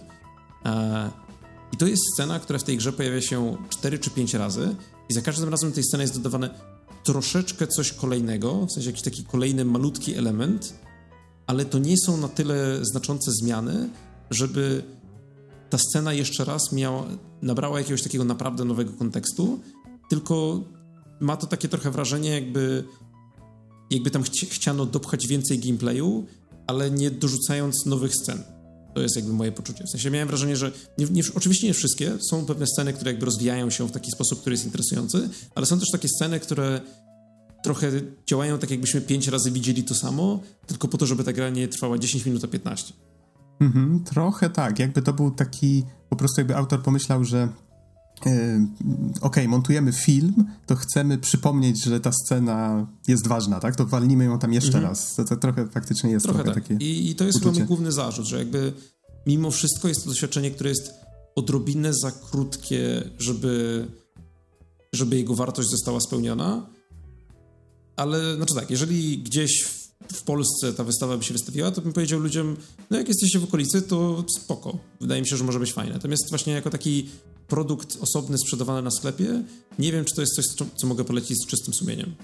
E, jeżeli ktoś ma takie naleciałości właśnie, że mocno go ciągnie w stronę gier artystycznych i też jakby lubi wystawy muzealne, etc., wydaje mi się, że to może być ciekawe doświadczenie, ale wydaje mi się, że dla większości osób to będzie właśnie takie poczucie, że w co ja zagrałem i to nie było satysfakcjonujące, to nie było ciekawe. Mhm. Tutaj jeszcze na stronie widzę, że te elementy one wychodziły w różnym czasie. To znaczy, film na przykład miał premierę 10 e, lutego tego roku. Prawdopodobnie na jakimś festiwalu, już tutaj nie będę się wczytywał. Jeżeli ktoś jest zainteresowany, to e, pod opisem zamieścimy stronę tego projektu. Natomiast gra ukazała się 28 maja. Co my z tą końcówką maja? Jakoś tak wszystko trafia w ten, w ten sam okres. Jaki dobry czas. Najwyraźniej, najwyraźniej. E, Okej, okay. i to było. To było Kids. Po prostu. E, tak, jeszcze jedna, szukał. jeszcze jedna dygresja na koniec, że właśnie tak? największym problemem z tą grą jest to, że jej nazwa jest absolutnie niewyszukiwalna. W sensie tak absolutnie, tak, absolutnie tak. niewyszukiwalna. Mm -hmm. Do tego stopnia, że ja widziałem, że ta gra wyszła, ponieważ widziałem na Twitterze, że wyszła. Chciałem kupić tę grę, byłem nią zainteresowany, po czym wszedłem na e, wszedłem na App Store i wpisałem Kids. I oczywiście dostałem gry dla dzieci a nie grę, która się nazywa Kids. Co było tyle też dziwniejsze, dosłownie dzień wcześniej ta gra była wyróżniona w, na, na Play Store jako e, wybrana przez edytorów e, i następnego dnia jakby ona już była nie do wyszukania, bo jak wpiszesz Kids, dostajesz gry dla dzieci. Jak wpiszesz Kids Game, dostajesz więcej gier dla dzieci. E, tak więc najłatwiejszy sposób na to, żeby zlokalizować tą grę, to wejść na stronę Double Fine, w sensie publishera, wyszukać sekcję Double Fine Presents, znaleźć tam link do tej gry, wejść na stronę tej gry i tam stamtąd znaleźć linki do App Store'a i do Google'a. Bo... Albo tutaj mogę też powiedzieć, jeżeli ktoś akurat chciałby wejść w przeglądarkę, playkids.ch to jest prawdopodobnie. Tak, to też jest jakieś rozwiązanie. Natomiast. Yy, jest to wyjątkowo niefortunnie dobrana nazwa, właśnie pewnie bardziej przez pryzmat. Znaczy, nazwa się jakby zgadza z tym, o czym jest gra, ale też nie działa na jej korzyść. tak, zgadzam się w pełni. E, dobrze, to wydaje mi się, że jeszcze mogę troszeczkę powiedzieć na temat jednej gry i przejdziemy do Bloodstained, przejdziemy do Front Mission. Gra, o której chciałbym teraz powiedzieć odrobinę, to A Plague Tale Innocence. I to jest tytuł, o którym już wspominałem e, przy okazji chyba jakieś trzy mam wrażenie, że rok temu. Na samych E3 na konferencjach się nie pojawiła, gdzieś tam pojawił się jej zwiastun chyba e, pobocznie, tak, na jakichś streamach. Gra opowiada o rodzeństwie, które próbuje się wydostać, znaczy wydostać, właściwie przetrwać e, w średniowiecznej Francji ogarniętej zarazą. Wszędzie panoszą się szczury, które właściwie zjadają ludzi. Jest ich tak wiele, że atakują wszystko. Zachowują się jak taka żywa fala. E, I gra jest o tyle fajna, że ona opowiada nam historię z perspektywy trzeciej osoby. Konkretnie kierujemy właśnie starszą siostrą e, z tego dwojga rodzeństwa. I ona stara się właśnie młodszego brata, który jest chory na jakąś taką dziwną chorobę, e, nie do końca wiadomo jaką. I e, właśnie matka, matka tych dzieci próbuje e, znaleźć lekarstwo na, na, na tę chorobę. I właśnie trochę takie pierwsze moje, moje skojarzenie to było, że gra bardzo mocno stara się być czymś w rodzaju no może nie jest najlepsze porównanie, ale Uncharted czy innych gier narracyjnych, które skupiają się czysto na opowiadanej historii. Przy czym od razu zauważyłem też, że jeżeli się podchodzi do tego w ten sposób, no Uncharted to jest jednak górna półka, tak? Tymczasem A Plague Tale od razu widać po jakichś takich drobnych rzeczach w animacji przede wszystkim, że to nie jest ten poziom dopieszczenia, więc tak naprawdę gra zaczęła mi się w pełni podobać dopiero jak już się z tym pogodziłem i dopiero za drugim razem do niej wracając już wiedziałem, że to nie jest aż tak dopicowany produkt, ale faktycznie jest zrobiona solidnie, jest zrobiona bardzo fajnie. Ta historia jest opowiadana z sercem i y, dobrze napisana, fajnie się, fajnie się ją śledzi, chociaż jeszcze muszę ją skończyć. Mam wrażenie, że jestem już gdzieś tak pod koniec gry, więc to nie są takie typowe pierwsze wrażenia. Nie wiem, czy mogę to nazwać mini recenzją, więc to jest coś tak pomiędzy. Wiem, że Don również przechodzi A Plague Tale Innocence, więc e, na pewno w którymś momencie przyszłości zrecenzujemy. Ciężko powiedzieć, jak to zwykle u nas na podcaście, kiedy to się odbędzie, dlatego postanowiłem wspomnieć o tej grze wcześniej. Właśnie po to, żeby powiedzieć, e, że że warto. Myślę, że, że warto w nią zagrać. Gra jako taka, jeżeli się właśnie odsunie całą fabułę, całą tą historię, jest głównie z, yy, skradanką. Czyli chowamy się powiedzmy za osłonami, patrzymy na patrole przeciwników, e, wykorzystujemy właśnie, bawimy się jakby tą mechaniką związaną ze szczurami. One unikają światła, więc e, jeżeli mamy pochodnie, no to możemy bezpiecznie przejść, ale niektóre pochodnie, na przykład e, jeżeli zapalimy, podpalimy jakiś mały patyczek, no to on bardzo szybko zgaśnie. Jeżeli akurat będziemy poza zasięgiem innych źródeł światła, no to po prostu zostaniemy zjedzeni żywcem. I w innych przypadkach, na przykład możemy rozbić czyjąś latarnię, bo nasza bohaterka ma y, proce i za jej pomocą właśnie możemy albo podpalać różne elementy, albo je niszczyć, albo gasić. Później uzyskujemy różnego rodzaju właśnie pociski o różnych właściwościach, czy możemy po prostu chwycić jakiś dzbanek i go rozbić, żeby zwrócić czyjąś uwagę. I twórcy się tak bawią tą mechaniką. Jest to całkiem fajne, oczywiście wszystko jest właśnie tak zbudowane jak właśnie w Uncharted, żeby już daleko nie szukać, że y, historia jest najważniejszym elementem, postacie cały czas ze sobą rozmawiają, zwracają uwagę na to, co się dzieje dookoła. Y, i to wszystko się tak toczy, rozdział po rozdziale, jakieś tam perypetie właśnie tego rodzeństwa. I gr w grę można zagrać na PC, PlayStation 4, Xboxie One i z tego co widzę na wiki wyszła 14 maja, no czyli właśnie tak około miesiąc temu. Już wydaje mi się, że nie, e, nie będę mówił dużo więcej, zostawię to na recenzję, ale póki co gra mi się bardzo podoba. Spędziłem z nią, wydaje mi się, że tak już przynajmniej z 10 godzin, może kilkanaście. I jest, jest fajna, jest naprawdę fajnie zrobiona. Jeżeli ktoś lubi gry fabularne, narracyjne, to, to myślę, że może mu się spodobać. E, czy masz, Spierek, może jakieś pytania a propos A Plague Tale Innocence? czy przechodzimy dalej? Nie, wydaje mi się, że możemy lecieć dalej.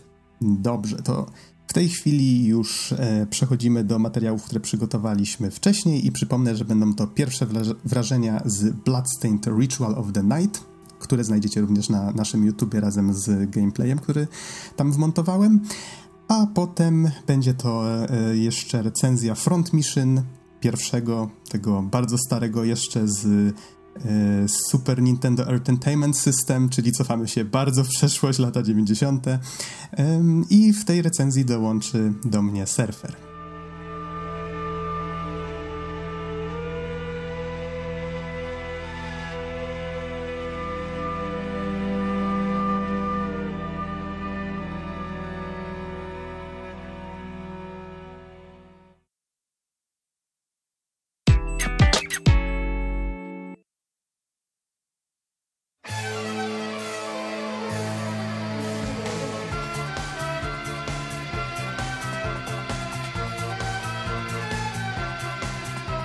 Tej strony Adam Noxa 15 Dębski z podcastu 2pady.pl, a dzisiaj mamy 19 czerwca 2019, dokładnie dzień po premierze Bloodstained Ritual of the Night. Gra, przypomnę, yy, pojawiła się po raz pierwszy na Kickstarterze w bodajże maju czy kwietniu 2015, zebrała masę pieniędzy, miała zebrać pół miliona dolarów, zebrała 5,5 miliona, ponad, ponad 5,5 miliona, um, około 64 czy właściwie 65 tysięcy osób um, przyczyniło się do, do tej zbiórki. I jeżeli nie orientujecie się w temacie, jest to taki duchowy następca serii Castlevania, um, a właściwie części tworzonych przez Kojiego Igarashiego, który właściwie Właściwie można mu zawdzięczać powstanie terminu Metroidvania, bo to on jako pierwszy ożenił właśnie Castlevania, która do tej pory była e, liniową platformówką z, tą, z tym takim otwartym światem platformówkowym z Metroida. No i w ten sposób powstał właściwie taki podgatunek platformówek, właśnie Metroidvania. W tej chwili na potrzeby tej akcji nazywania, na, nazywana Igawania, właśnie od y, ksywki Igarashiego. Ym, niemniej pierwsza taka gra, z której jest chyba najbardziej znany, pierwsza gra w serii, nad którą pracował, z tego co mi wiadomo, to jest właśnie Castlevania Symphony of the Night z 97 i Ritual of the Night ma być takim duchowym następcą. Dużo osób na to czekało już od kilku ładnych lat. Ostatnia gra, nad którą, y, z serii Castlevania, nad którą Igarashi pracował, y, tego typu to była bodajże Order of Ecclesia w 2008, więc no ponad 10 lat już e, fani nie grali w podobne rzeczy, ale to nie znaczy, że gry z tego gatunku, inspirowane właśnie tymi e, grami, nad którymi Iga pracował, e, no, fani tworzyli własne. Fani, czy nawet większe, czy mniejsze studia. E, mogliśmy zagrać, żeby daleko nie szukać, chociażby ostatnio w Hollow Knighta, czy, czy właśnie w Time Spinner, który był bardzo inspirowany Order of Ecclesia. I właśnie ciekaw byłem bardzo, jak Ritual of the Night sprawdzi się w bezpośrednim porównaniu z tymi grami. No i od razu mogę powiedzieć, że po spędzeniu z grom niecałych pięciu godzin, po przespaniu się trochę z tymi swoimi pierwszymi wrażeniami, chociaż od razu muszę powiedzieć, że niezbyt długim przespaniu się, bo jednak zarwałem na tej grze nockę, grałem chyba do 4.30, więc wniosek jest jeden, wciąga, ale jednak wrażenia są takie mieszane. To znaczy tak, może powiem najpierw o co chodzi w fabule gry. Mamy tutaj świat, w którym technologia powoli zaczyna wypierać alchemię, i jak to gra, intro do gry określa potrzeby duchowe ludzkości. Alchemikom się to za bardzo nie podoba, próbują eksperymentować łącząc ludzi z kryształami od pochodzenia demonicznego. W pewnym momencie chyba przyczyniają się też do tego, że demony zaczynają atakować e, ludzkość. I bohaterką jest Miriam, która 10 lat po tych wydarzeniach, po obudzeniu się z jakiegoś tajemniczego snu, jakiegoś rodzaju śpiączki, e, ona sama jest właśnie takim shardbinderem, to się nazywa, czyli właśnie taką krzyżówką człowieka z kryształami e, i razem z alchemikiem Johannesem ruszają, żeby powstrzymać innego shardbindera, który się nazywa Jibel. Znają go już e, z przeszłości, to jest powiedzmy ich przyjaciel. W tej chwili nie do końca wiadomo, co mu odbiło, ale przyzwał jakiś zamek z piekielnych otchłani i trzeba go powstrzymać. jak się domyślacie, fabuła nie jest tutaj jakoś szczególnie ważnym elementem, podobnie jak w poprzednich e, Castlevaniach jest to raczej tylko pretekst do tego, żeby zwiedzać właśnie ten zamek, czy właśnie jakąś olbrzymią, pełną demonów, czy innych potworów budowlę. No i w tym przypadku nie jest inaczej, chociaż od razu właśnie pierwsza rzecz, która mi się mało spodobała, to to, że gra zasypuje nas różnymi informacjami, tekstem. W intrze nawet pojawia się w pewnym momencie kilka plansz rysowanych, które wyglądają całkiem ładnie i nagle pod koniec pojawia się jedna, która wygląda jakby ktoś ją narysował na kolanie, dosłownie na dzień przed premierą, taki jakiś placeholder, więc taki, taki zgrzyt już na wstępie. Potem pojawia się voice over, bo wszystkie dialogi w grze są mają podłożone głosy i tutaj ponownie niby aktorzy są dobrze dobrani, wszystko gra, ale zawsze jest ten taki zgrzyt, to taka delikatna żenada, że okej, okay, te dialogi brzmią czasami tak melodramatycznie. E, no. No dobrze, ale jakoś się przez to przebrnie. Całe szczęście gameplay jako taki faktycznie jest czysto, czysto igawaniowy, czy właśnie e, z, z tych Castlevanii, Symfonii Nocy, czy Dawn of Sorrow, mm, Aria of Sorrow, Portrait of Ruin, no można by wymieniać ich bardzo dużo, e, jest bardzo podobny, czyli mamy różne rodzaje broni, które powiedzmy mają różny zasięg, e, różne pole rażenia, czy to jakieś claymory, czy, czy krótkie miecze, sztylety, są tu też nawet kopniaki, można właśnie zakładać jakieś różne e, obuwie do, do, do walk, do walki wręcz, czy do jakichś sztuk walki, można by to tak określić. Mm, są też bicze, więc też kolejne nawiązanie do Castlevanii. W ogóle smaczków jest tutaj całkiem sporo tego typu. Do tego jeszcze powraca coś, co z tego co pamiętam wprowadziła właśnie Aria of Sorrow, czyli tam mieliśmy dusze potworów, które mogliśmy zdobywać. Każda z tych dusz dawała nam y, jakąś umiejętność, więc każdy potwór w grze miał, dawał jakąś procentową szansę, że da nam jakąś umiejętność, z której będziemy mogli korzystać. I tutaj ten pomysł powraca. Mamy właśnie te kryształy, które pochodzą od demonów. Bohaterka je przyswaja. I zbierając je, im więcej mamy kryształu danego typu, tym silniejszą umiejętność zdobywamy, więc znowu, tak jak w wielu z tych poprzednich gier i Garashiego mamy tutaj taki, takie zbieractwo, że właściwie co minutę, czy nawet co pół minuty czasami trafiamy na jakiś przedmiot do założenia, czy to jakąś czapeczkę, czy jakieś, jakąś zbroję, czy jakąś nową broń. Zwłaszcza na początku gry, jak gra nam pokazuje właśnie jakieś różne możliwości, że, że te bronie są faktycznie różne. Nawet mamy broń palną, która może mieć różne pociski. No, możliwości jest bardzo dużo, można grać właściwie jak się chce. Do tego te bronie czasami mają też specjalne techniki, powiedzmy jakieś takie niczym ze Street Fightera, ćwierć kółka, pół kółka, jakieś właśnie takie kombinacje, które możemy wykonywać i, i coś specjalnego się dzieje razem z użyciem many, która jest potrzebna również do używania tych umiejętności z kryształów. No jest tego dużo. Jeszcze powiedzmy te techniki można levelować, te kryształy można levelować, można krafcić przedmioty właśnie u Johannesa, można e, gotować i zjedzenie potrawy po raz pierwszy daje nam jakieś boosty do statystyk, no bo mamy tutaj takie elementy RPG, powiedzmy zdobywanie leveli i tym podobne. Że no jest to trochę, jeżeli ktoś powiedzmy nie miał styczności z tymi grami wcześniej, to domyślam się, że może być to przytłaczające, ale jednocześnie sprawia, że faktycznie czuć od razu, że jest dużo do odkrycia w tej grze, że jest masa pomieszczeń do odwiedzenia, że, ym, że jest masa rzeczy do znalezienia, do wpisania właśnie w te, te różne tam katalogi potworów i tam mamy wszystkie informacje na temat tego, jakie przedmioty mogą upuścić. Oczywiście zamazane na początku, więc musimy odkryć e, odkryć każdy przedmiot. Znaczy, oczywiście nie musimy tego robić, ale jeżeli ktoś chce faktycznie wymasterować wszystko, co w tej grze jest, no to na pewno zajmie mu to sporo czasu. E, póki co e, mam wrażenie, że no, już spory kawałek mapy zobaczyłem, chociaż ciężko powiedzieć jak duży. Raptem chyba dwóch, nie, trzech chyba około bossów pokonałem. Niestety mam wrażenie, że poziom trudności dość szybko zaczął maleć. Znaczy, najpierw był ok, potem drugi boss spokopał mi tyłek kilka razy i swoją drogą podkłada mu głos David Hater, więc no, jak widać, nie, niektórzy aktorzy zostali dobrani naprawdę bardzo fajnie. E, przypomnę, że jest to aktor, który podkłada głos Snake'owi z Metal Gear Solid, między innymi. I e, później gra stała się strasznie prosta.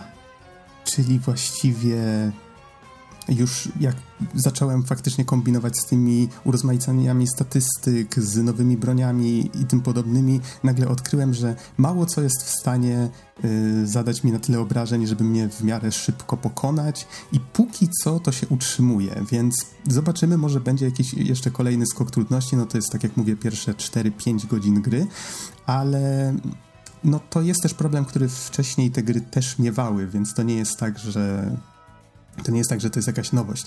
Niemniej widać w menu, że jeżeli się grę przejdzie, to potem się odblokowuje kolejne poziomy trudności, więc domyślam się, że to też, e, też należy wziąć jakby pod uwagę. No i tutaj twórcy oczywiście zapowiadają, czyli już właściwie część z tych rzeczy chyba się pojawiła, bo ja grałem jeszcze na PS4 Pro w wersję bodajże 1.1. Chyba już dzisiaj albo wczoraj pojawił się patch 1.02, w którym jest chyba speedrun mode, boss rush mode. Trochę się już pogubiłem. Wszystkie rzeczy, które twórcy obiecują, obiecywali na Kickstarterze powoli się zaczynają tam pojawiać. Yy, więc na pewno, jeżeli ktoś w tę grę za e, faktycznie wyda na nią pieniądze, to może być pewien, że będzie miał co z nią robić. Pytanie tylko, czy jest to gra dla niego. Więc jeżeli graliście w poprzednie gry Igarashiego, no to wydaje mi się, że raczej możecie śmiało w nią inwestować.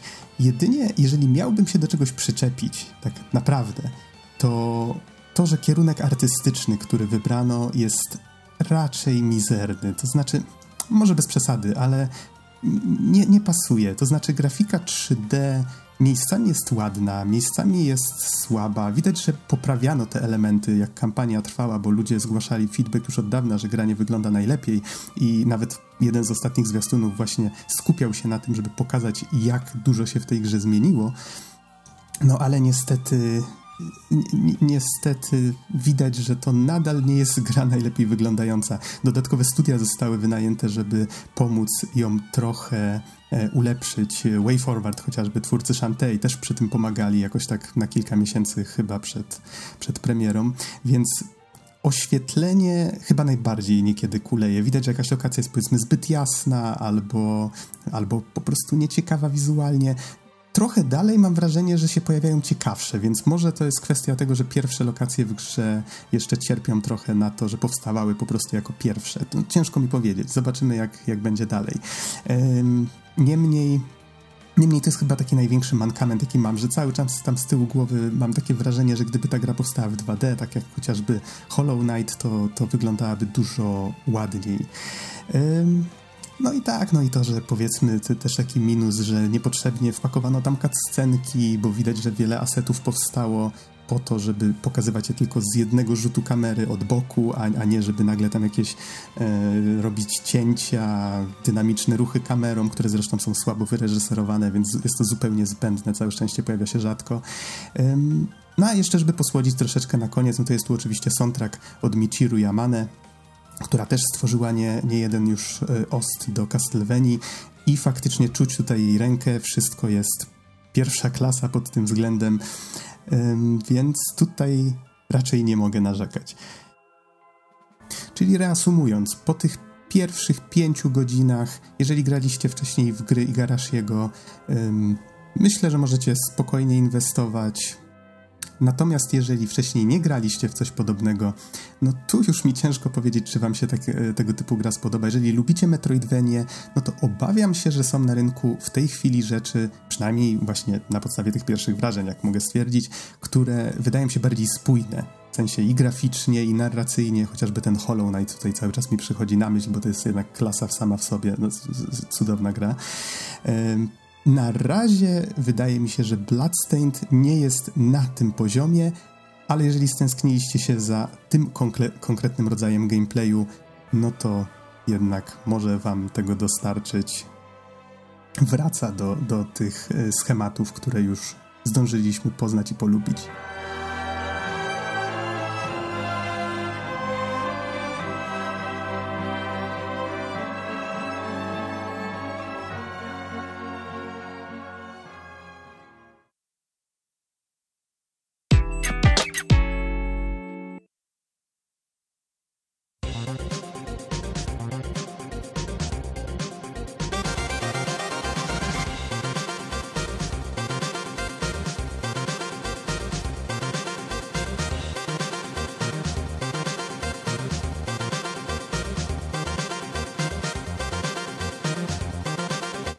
Wirtualnym studiu jest teraz ze mną Hubert Surfer Wiśniewski.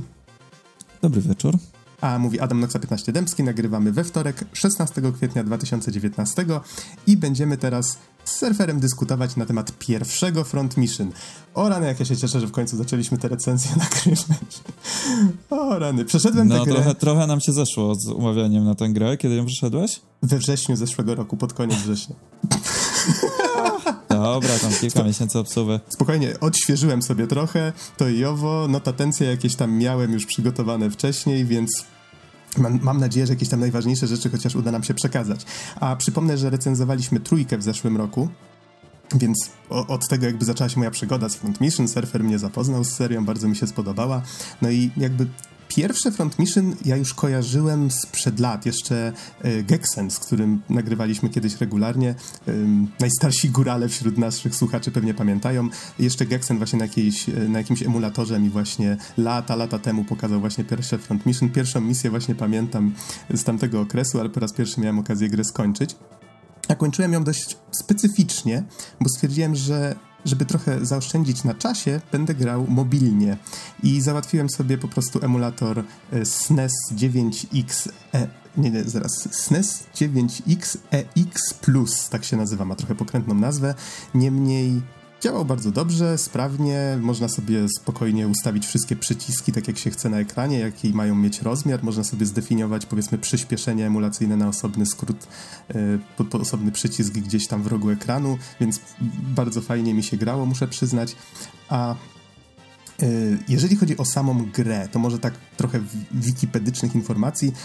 Sama gra wyszła na SNESa, w 95, więc cofamy się dość mocno w przeszłość, y, została stworzona przez firmę G-Craft, wydana przez Square Enix. Później Square Enix wykupiło G-Craft, więc już y, chyba trójka Front Mission y, wychodziła jakby mm, była sygnowana tak, jako tworzona przez, przez właśnie Square.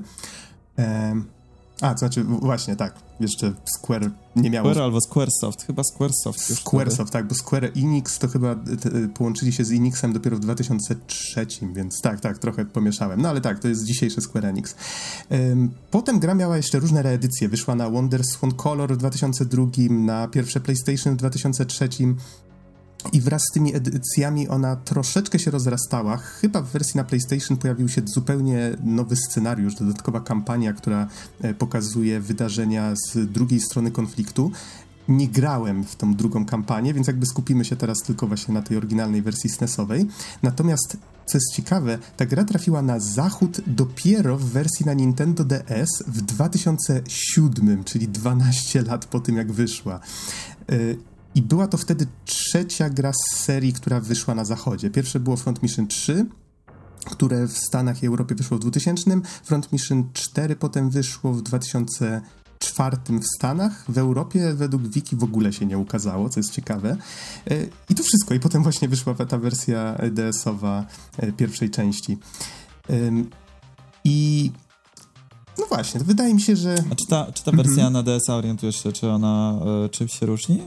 Wiesz co, obejrzałem tylko y, parę filmików, żeby sobie troszeczkę właśnie uzmysłowić skalę zmian. Graficznie wygląda trochę lepiej, to znaczy o ile same jednostki, same wanzery, czyli właśnie te roboty kroczące, które którymi kierujemy na polu bitwy, to one wydają mi się identyczne. Te sprite zostały po prostu przeniesione, natomiast tła, jakaś tam, nie wiem, rzeka, jakieś powiedzmy trawa, drzewa, to wszystko mam wrażenie, że powstało zupełnie od nowa, wygląda zdecydowanie lepiej. Poza tym na dolnym ekranie są statystyki, czy to terenu, czy jednostek. Mam wrażenie, że to ułatwia znacznie sporo rzeczy, bo po prostu widać widać więcej, tak? Nie musisz latać między, między e, menusami. Poza tym i to jest jedna ciekawostka, którą nasz wspólny kolega, który też się na serii dość mocno zna, e, mi sprzedał, mianowicie ja grałem z fanowskim tłumaczeniem, no bo wersja SNESowa nie, nie wyszła na zachodzie, tak? I mówił mi, że ta, wersy, ta fa wersja fanowska, to, to, tłumaczenie właśnie e, na angielski przez fanów, ono jest wierniejsze i ponoć ta, to oficjalne tłumaczenie DS-owe, ono jest trochę e, ocenzurowane. To znaczy, na takiej zasadzie, że w, w, według kolegi to było. To, to tłumaczenie oficjalne jest na tyle różne, że wręcz zmienia charakter postaci. Nie jestem w stanie tego zweryfikować, bo musiałbym prawdopodobnie przejść tę grę jeszcze raz, ale zobaczyłem sobie um, pierwszą rozmowę w grze, w której właściwie bohater Lloyd mówi do jednego ze swoich e, podwładnych, że e, tam, tam, tamten mówi, że o, jednak troszczy się pan tutaj o, o, swoją dziewczynę, tak? A on mówi, jeżeli się nie zamkniesz, to zaraz cię postrzelę, tak? Coś takiego mówi. A z kolei w tym oficjalnym tłumaczeniu jest tylko powiedziane, że nie gadaj głupot na, na powiedzmy, na tam oficjalnym kanale, cisza w eterze. E, więc domyślam się, że takich rzeczy może być trochę więcej. No to jest taka ciekawostka. Niemniej kolega polecał, żeby właśnie grać z tym fanowskim tłumaczeniem, więc dlatego między innymi postanowiłem wziąć za wersję SNESową. Okej, okay, to może żeby trochę przybliżyć, o co właściwie chodzi w fabule. To jest o tyle ciekawe, że akcja toczy się na wyspie Huffman Island. Nie jestem pewien, jak to się e, czyta. I wiem, surfer, że ty, ty grałeś w piątkę, prawda? Ta wyspa przewija się później jeszcze przez serię. Tak, nazwę kojarzę, tylko wiesz co, ja piątkę też grałem tyle lat temu, że nie pamiętam dokładnie o co z nią chodziło, ale tak, jak najbardziej właśnie nazwę kojarzę nie z Front Mission 1, a z Front Mission 5 i mm, z tego co ty mi opowiadałeś, że Front Mission 5 chyba zahacza dosyć mocno w ogóle o wydarzenia z tych poprzednich części, prawda?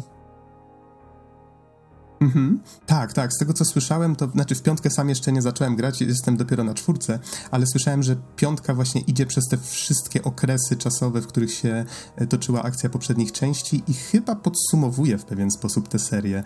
E, no teraz ukazało się też Left Alive, ale o tym może nie będziemy rozmawiać za dużo. Nie, to jest, to jest bardzo drażliwy temat i lepiej, lepiej go nie poruszaj. E, pierwsze wrażenia już się na podcaście pojawiły albo się dopiero pojawią. Prawdopodobnie jak słuchacie tej recenzji, to już się pojawiły. E, więc tak, to odsyłam, odsyłam do któregoś z poprzednich wstępów.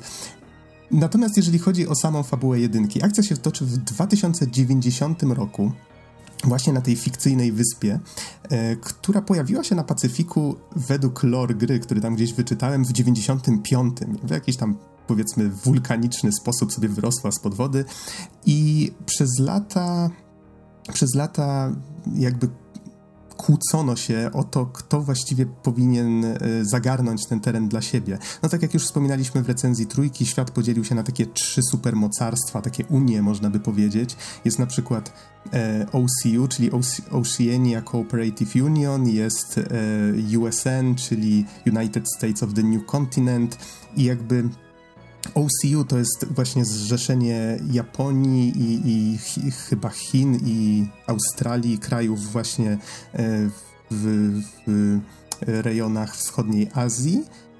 Natomiast USN to jest właśnie cała, obie Ameryki. I ze względu na to, że ta wyspa wyrosła tak właśnie między nimi, to te dwa mocarstwa zaczęły się kłócić o tą o tą wyspę. I według tego lore USN w pewnym momencie wystąpiło e, z, e, z ONZ i w tym momencie stwierdzili, że okej, okay, wyspę bierzemy dla siebie. No wtedy wtargnęło OCU, powiedziało nie, my chcemy mieć tę wyspę e, dla nas. Wybuchła wojna, która się nazywa pierwszym konfliktem hafmańskim. Zawsze mam problem z tym, jak się te nazwy powinno czytać. I to, to były wydarzenia, które działy się 20 lat przed wydarzeniami z gry. Ten konflikt ostatecznie się zakończył, wyspa została podzielona na pół, ale jakby ta taka niechęć do siebie tych dwóch stron, które nadal stacjonowały na tej wyspie, pozostała. No i w takim napiętym jakby scenariuszu, w taki napięty scenariusz jesteśmy wrzuceni, yy, przejmujemy kontrolę nad bohaterem, który się nazywa, tak jak już wspomniałem wcześniej, Lloyd Clive. Co prawda według oficjalnego tłumaczenia jest to Royd przez R, ale wydaje mi się, że Lloyd brzmi trochę trochę lepiej. Zresztą mam wrażenie, że fani też się kłócą, jak się właściwie powinno to mówić. E, jest on dowódcą jednej jednostki właśnie w OCU i zostaje wysłany na tajną misję, której celem, w sumie nie wiedzieć dlaczego, jest dostanie się na terytorium wroga i zbadanie, co dzieje się na terenie jakiejś fabryki, tak? Czyli już właściwie sama misja zakłada, że pewne ustalenia pokojowe zostają złamane, że, że oni idą właśnie na to terytorium wroga. I w skład tej jednostki wchodzi właśnie m.in. Lloyd, Ryuji Sakata, właśnie ten, ten jego podwładny, o którym wspomniałem wcześniej. Jest również jego ukochana Karen. No i zaczyna się ten rekonesans. Fabryka należy oczywiście do USN. No i Karen odkrywa coś szokującego w tej fabryce. Nie wiemy, co to jest. I w tym momencie pojawia się Driscoll. Driscoll to jest taki dowódca sił USN, długie blond włosy. Wydaje mi się, że na pewno jest, znaczy na pewno, tak się domyślam, że może jest inspirowany y, postacią Chara Aznabla z Gandama. Y, I jakoś tak nie, nie byłem w stanie się pozbyć tego złudzenia. I Driscoll właściwie robi porządek y, tam na miejscu. Karen właściwie ginie na naszych oczach, więc cała akcja kończy się tragicznie. Fabryka zostaje zmieciona przez wielką eksplozję. Sam Driscoll stwierdza, że trzeba to zrobić, żeby zniszczyć dowody, ale dowody na co, tego, tego nie wiemy. I w ten sposób właśnie ta napięta sytuacja między OCU i USN, bo to jest taka pierwsza misja, taki prolog, po którym właśnie dowiadujemy się, że ta napięta sytuacja e, połączona właśnie z wydarzeniami w tej fabryce sprawia, że wybucha drugi konflikt hafmański. Czyli e, jakby wojna znowu, znowu wybucha kolejna wojna i, i, i znowu zaczynają się aktywne walki. Akcja przenosi się następnie rok później. Trafiamy na arenę, gdzie wanzery, czyli właśnie te roboty kroczące, walczą ze sobą. Mamy coś w rodzaju takich właśnie mecha gladiatorów.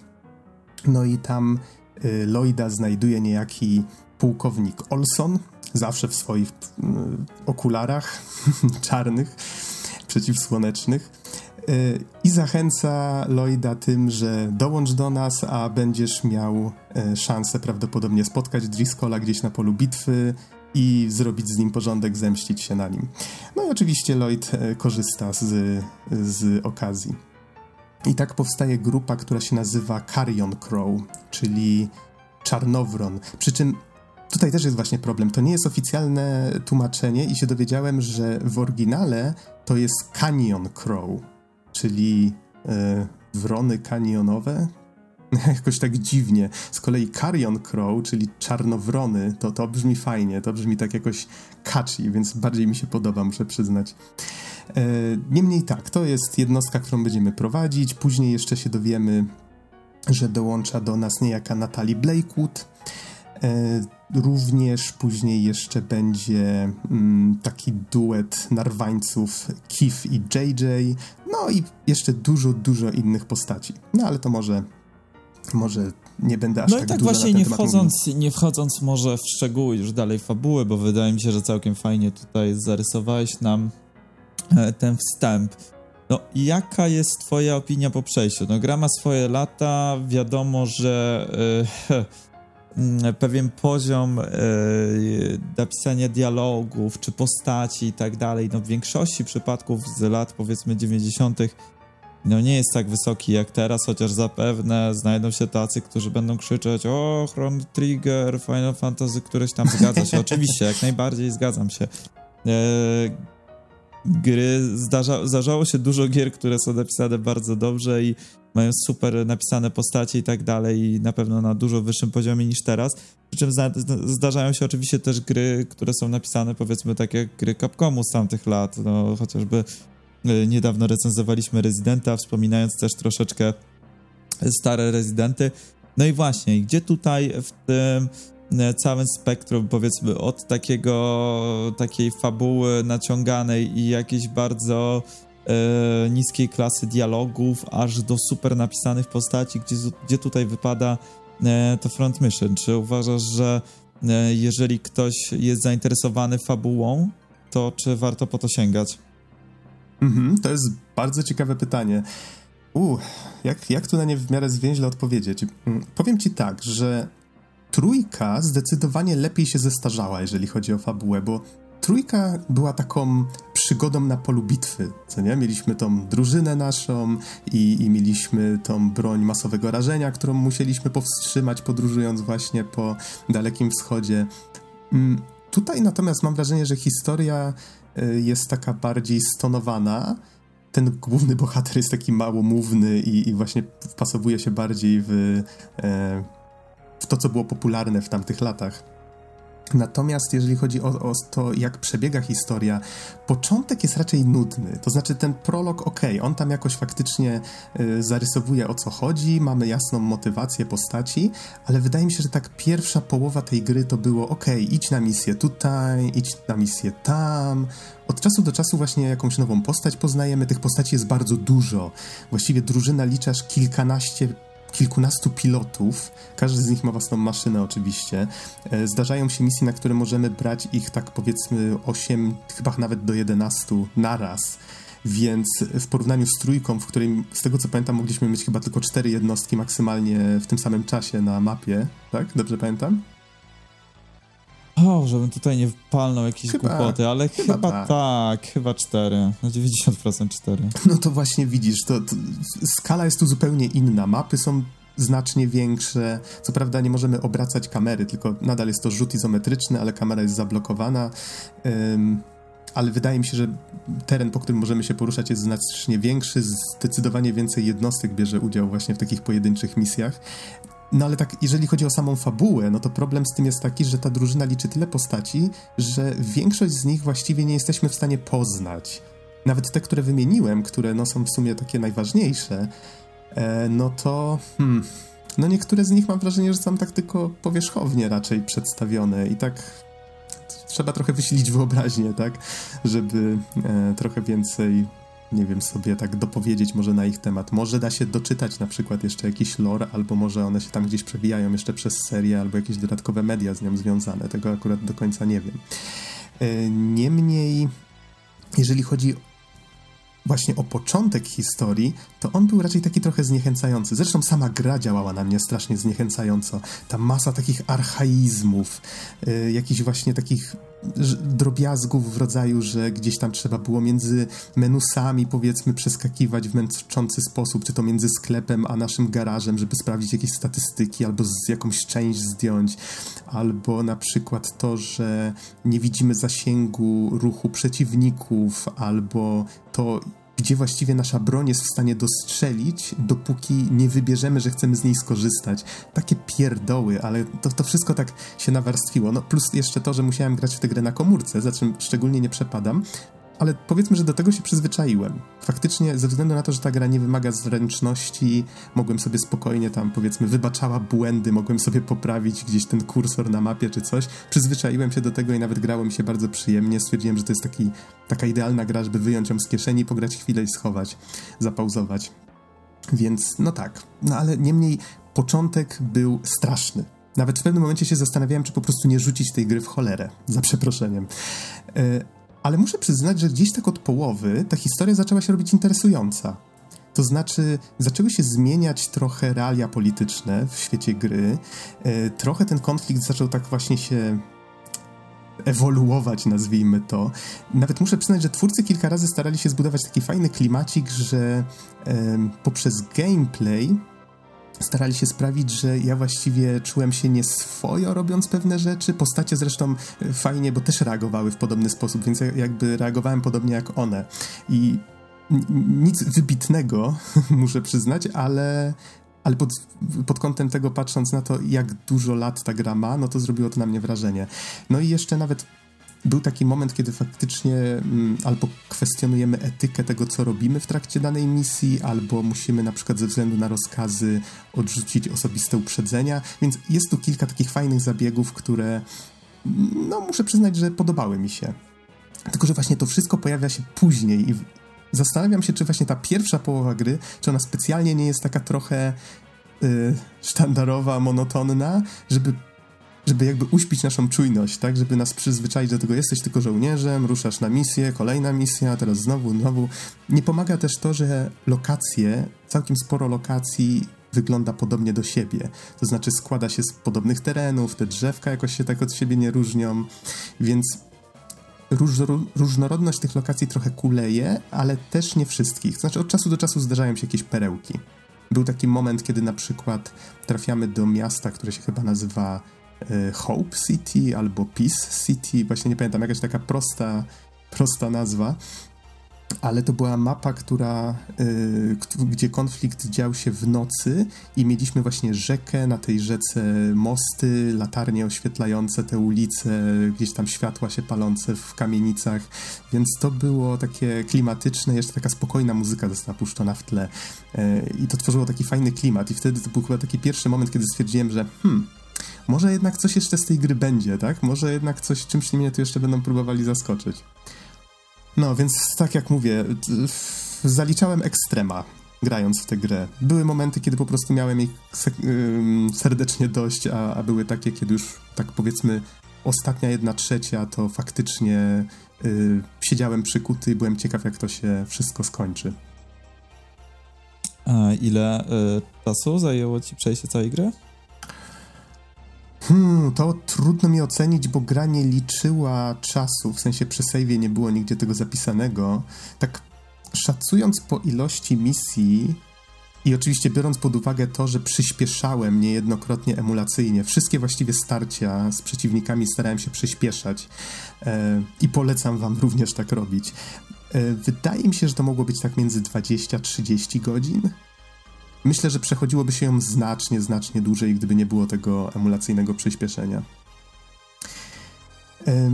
Tak się zastanawiam, może troszeczkę jeszcze może, moglibyśmy powiedzieć o samej mechanice, tak w sumie porównując z No, wydaje mi się, że to jest jedna z ważniejszych rzeczy no, bo tak, we Front Mission, więc no tak, jak tak, najbardziej. To prawda, chociaż fa faktycznie tak y, nie spodziewałem się, że aż tak mocno się zazębimy teraz w tę fabułę, chociaż może nawet, może nawet to i lepiej, jak ktoś nie, nie słyszało o tej serii albo, albo nigdy nie grał w jedynkę.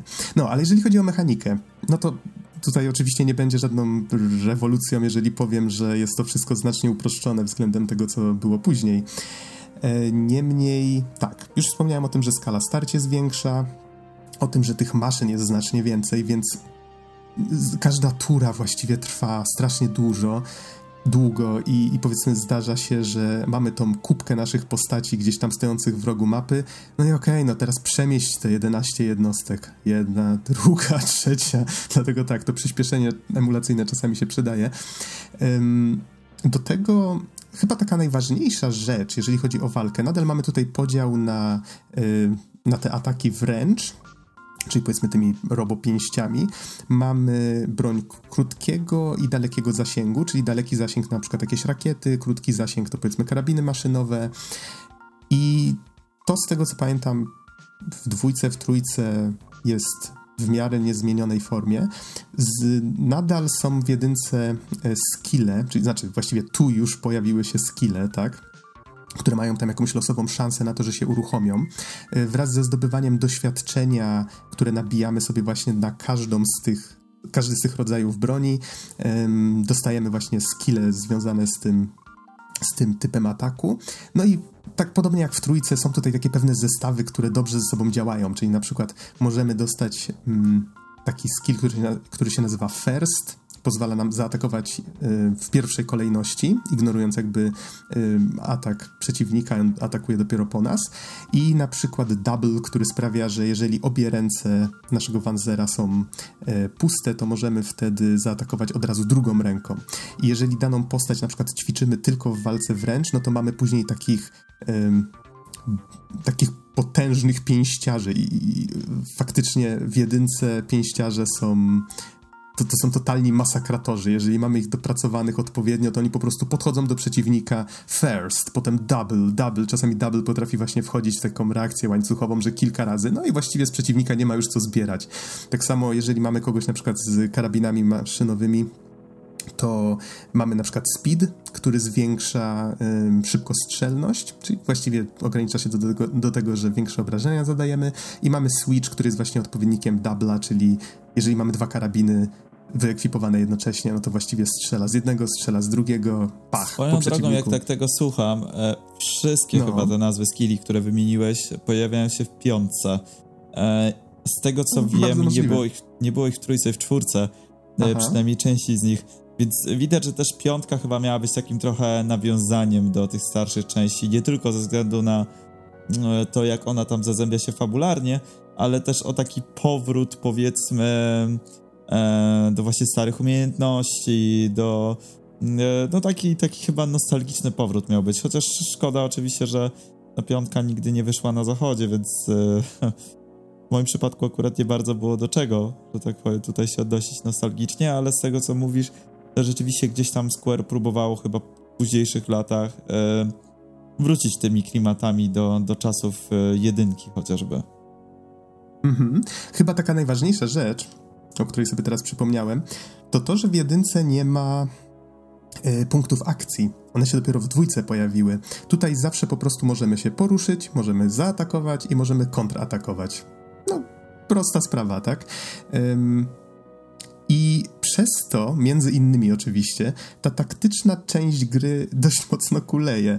Czyli jakby wszystko ogranicza się do tego, żeby nasze jednostki były doświadczone, czyli żeby nastukiwać im jak najwięcej tego doświadczenia, co znacznie zwiększa obrażenia zadawane przez nie. No i co tam właściwie? Siła ognia właśnie i szczęście, czyli powiedzmy, zdarza się, że przeciwnik może nas po prostu zmasakrować jednym atakiem, a zdarza się, że, że właściwie nikt nas nie trafia, mis, mis, mis i, i, i idziemy dalej. Więc no, powiem tak, początek gry był strasznie trudny. To była też kolejna rzecz, która mnie bardzo zniechęcała. E, w pewnym momencie zdałem sobie sprawę, że hej, mamy to koloseum, no bo mamy miasta między misjami, tam powiedzmy możemy sobie pójść do baru, możemy porozmawiać z NPC-ami, e, możemy właśnie pójść do koloseum i tam stoczyć jakąś walkę, z jakimś przeciwnikiem, którego sobie wybieramy, w zależności od tego, czy jest silniejszy, czy słabszy, to możemy więcej wygrać, ale możemy też stracić, więc to jest taki hazard trochę. E, no, ale na emulatorze możemy sobie zawsze zapisać grę i wczytać ją, jeżeli na przykład przegramy, fiu, fiu, fiu, fiu.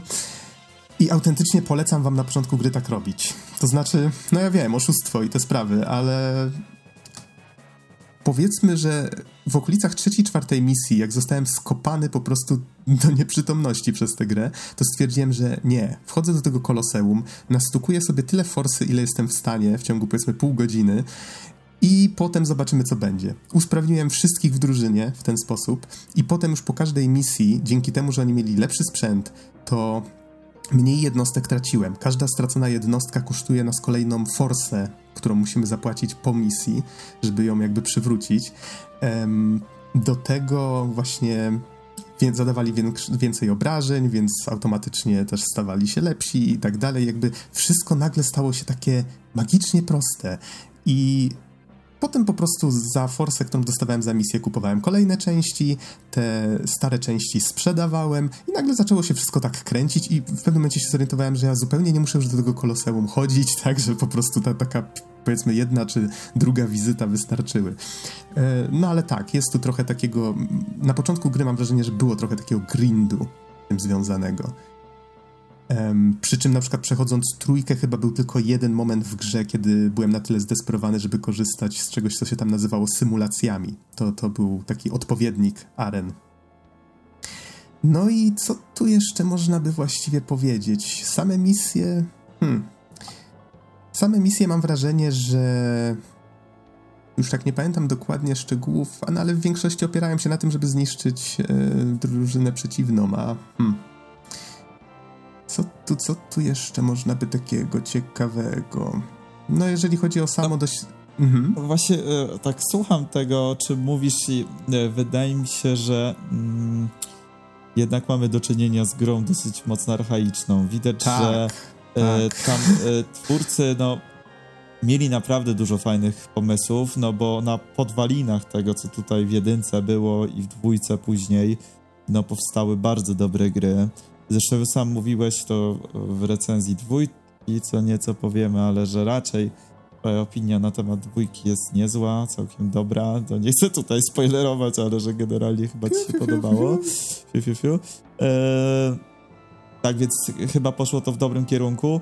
No ale właśnie jako taki powiedzmy eksperyment, coś nowego i tak dalej, no to e, widać, że pewne rzeczy chyba nie do końca były przemyślane, czy po prostu nie do końca ze sobą działały, więc y, wydaje mi się, że chyba trzeba mieć bardzo dużo takiego samozaparcia i, no i chęci, żeby zabrać się za tę grę i grać. Przyznam szczerze, że ja kiedyś próbowałem podejść i bardzo szybko się odbiłem, właśnie chyba ze względu na poziom trudności, bo wydaje mi się, że w pierwszej misji to po prostu no strasznie, strasznie tam dostałem.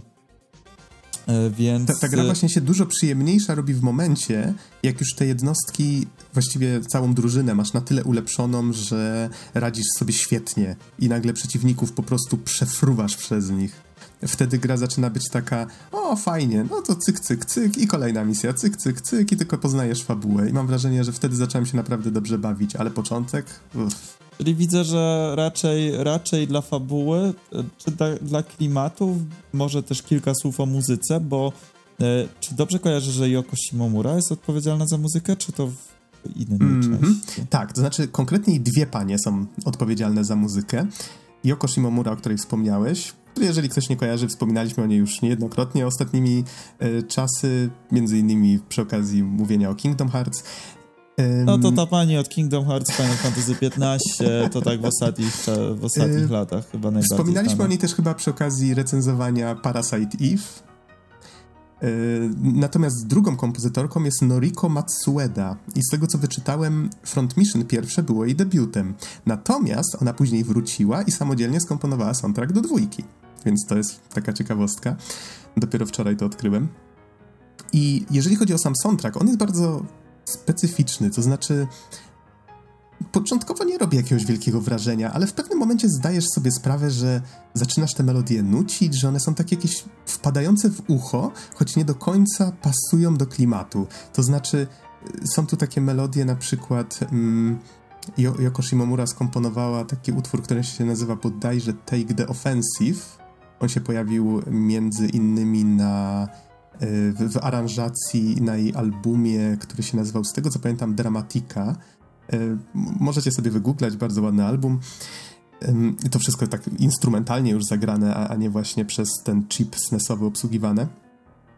Niemniej ten kawałek, on mi się wydaje taki bardzo bo ja wiem, fantazy? Że, że jak go słucham, to bardziej wyobrażam sobie rycerzy na koniach, którzy jadą podbijać zamki, a, a nie ludzi w mechach, którzy walczą gdzieś tam pod lasem.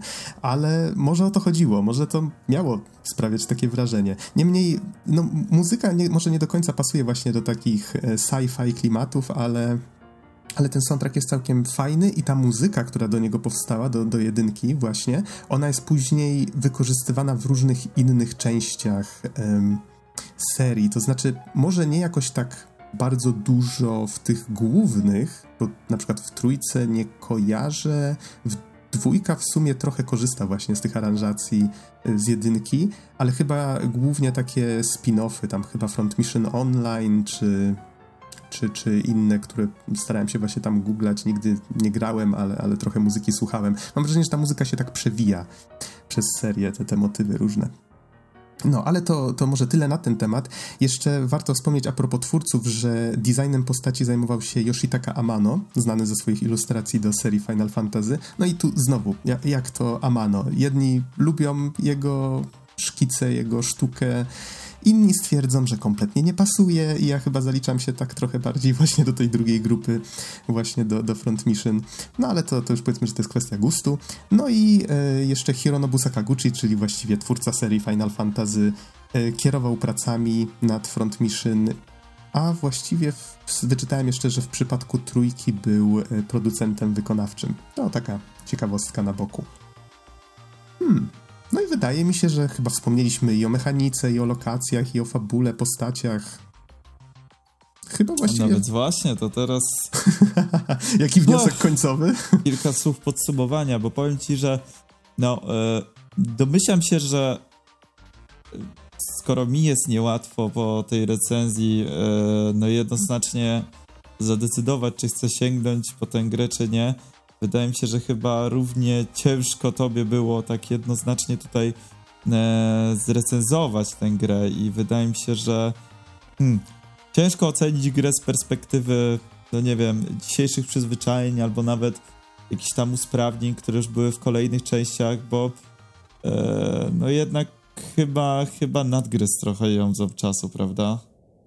Tak, tak, to prawda. Nadgryzł ją ząb czasu i co prawda niektóre elementy zestarzały się dużo lepiej, jedne trochę gorzej. No, na przykład wydaje mi się, że nadal projekty samych Wanzerów są całkiem fajne. Jak możemy je sobie na przykład w tych hangarach pooglądać, to ten pixelarcik na nich i te różne części, które możemy wymieniać, to, to nadal bardzo fajnie działa i, i chyba nawet sporo tych designów przeszło później dalej i jest wykorzystywanych w kolejnych częściach. Um, sam gameplay, no tak, on jest raczej taki, już w pewnym momencie robi się monotonny i tak po prostu się idzie przed siebie z coraz lepszymi jednostkami. Najgorsze jest właśnie to ulepszanie drużyny. Jak się uprzemy, że chcemy większość tych jednostek, chociaż które posiadamy, ulepszyć, to, no to potrafi trochę napsuć krwi. Fajne jest kilka takich pomysłów, które myślę, że trochę szkoda, że nie wracają, ale no, pewnie byłoby to też, wiązałoby się to też z, trochę z innymi problemami, czyli na przykład to, że są pewne wydarzenia w grze, dajmy na to, że dwóch ludzi się kłóci w swoich wanzerach, walczą na ulicy i my na przykład możemy wtargnąć między nich i, i wygrać tę walkę i na przykład wtedy jeden z nich, czy tam obu, już nie pamiętam, dołącza do nas, albo na przykład możemy tę walkę przegrać i w sumie nie jestem pewien, co się wtedy dzieje, czy oni sobie po prostu idą i bardzo możliwe, że wtedy już tych postaci nie możemy na przykład dołączyć do drużyny, co nie? Mam wrażenie, że w kolejnych częściach serii jakby wyzbyto się takich, te, te, takich elementów. No, ale to wydaje mi się, że jeżeli ktoś chciałby się zabawić w takiego archeologa, czyli powiedzmy już polecam zagrać w trójkę na początek. To jest faktycznie gra, która się zestarzała raczej, raczej dużo lepiej i faktycznie nadal jest atrakcyjna pod wieloma względami. Jeżeli wam się spodoba, to wtedy możecie sięgnąć po jedynkę, bo w sumie może taką, zakończę taką anegdotką, że kiedy już właściwie skończyłem tę grę, właściwie już ostatnia misja się skończyła, zaczął się epilog, to właściwie i zaczęła grać taka piękna muzyka, ale taka melancholijna. Mm, z tego, co, co się zorientowałem, to chyba właśnie jest jeden z utworów Noriko Matsuedy. I właśnie poczułem w tym momencie, że całe to napięcie opada, przychodzi ulga, ale tak widziałem, że te postacie ten, ten ciężar doświadczeń, który na nich pozostał. I ten epilog, on jest tak bardzo ładnie zrobiony, że on e, z jednej strony jest wzruszający, z drugiej ma taki e, wi wizualnie jest wykonany bardzo fajnie. No SNES nie miał dużych możliwości, tak? Nie dawał dużych możliwości twórcom, a oni takim sprytnym zabiegiem bardzo ładnie tę scenę zrobili i co prawda zepsuto trochę ten efekt tym, co się dzieje po napisach końcowych. Jest tam jeszcze jedna scenka, która myślę, że jest zupełnie zbędna, ale przez całe napisy końcowe, właściwie tak po, po przeczytaniu e, tego, co było napisane na ekranie, właśnie po wysłuchaniu tego, co postacie mają do powiedzenia po tych wszystkich wydarzeniach, tak siedziałem przez te kilka minut, patrząc na te napisy, które się tak przewijały i byłem taki, zamyślony, trochę smutny. I tak zupełnie wyleciały mi z głowy te wszystkie archaizmy i stwierdziłem, że w sumie dobrze, że zagrałem w tę grę. No to fajnie. Słuchaj, e, powiem ci tak. E, o ile, tak jak mówiłem, troszeczkę czuję się zmieszany po tym, co powiedziałeś, to na pewno e, muszę powiedzieć, że mnie zaintrygowałeś i i chyba myślę, że czas najwyższy niedługo zabrać za to odkopywanie E, serii, bo e, no za bardzo gdzie dalej nie ma iść, prawda? To ty masz jeszcze czwórkę i piątkę przed sobą. Ja oczywiście bardzo chętnie bym sobie też odświeżył, no ale już przechodziłem czwórkę, przechodziłem piątkę, trójkę wielokrotnie, a to co było później to już spuśćmy zasłonę milczenia. Więc może pozostaje teraz sięgnięcie do korzeni e, tej jakże cudownej serii i zagranie w jedynkę. E, na dwójce pogadamy innym razem. O, chcesz dowiedzieć się na temat dwójki, chcesz. Gwarantuję ci, że, że to jest gra, w którą będziesz chciał zagrać. Ale o tym innym razem.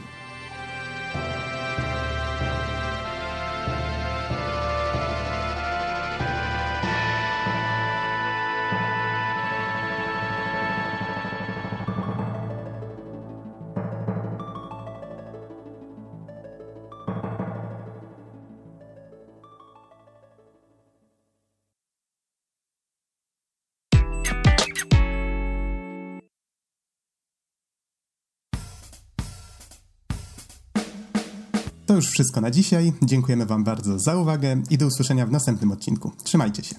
Cześć.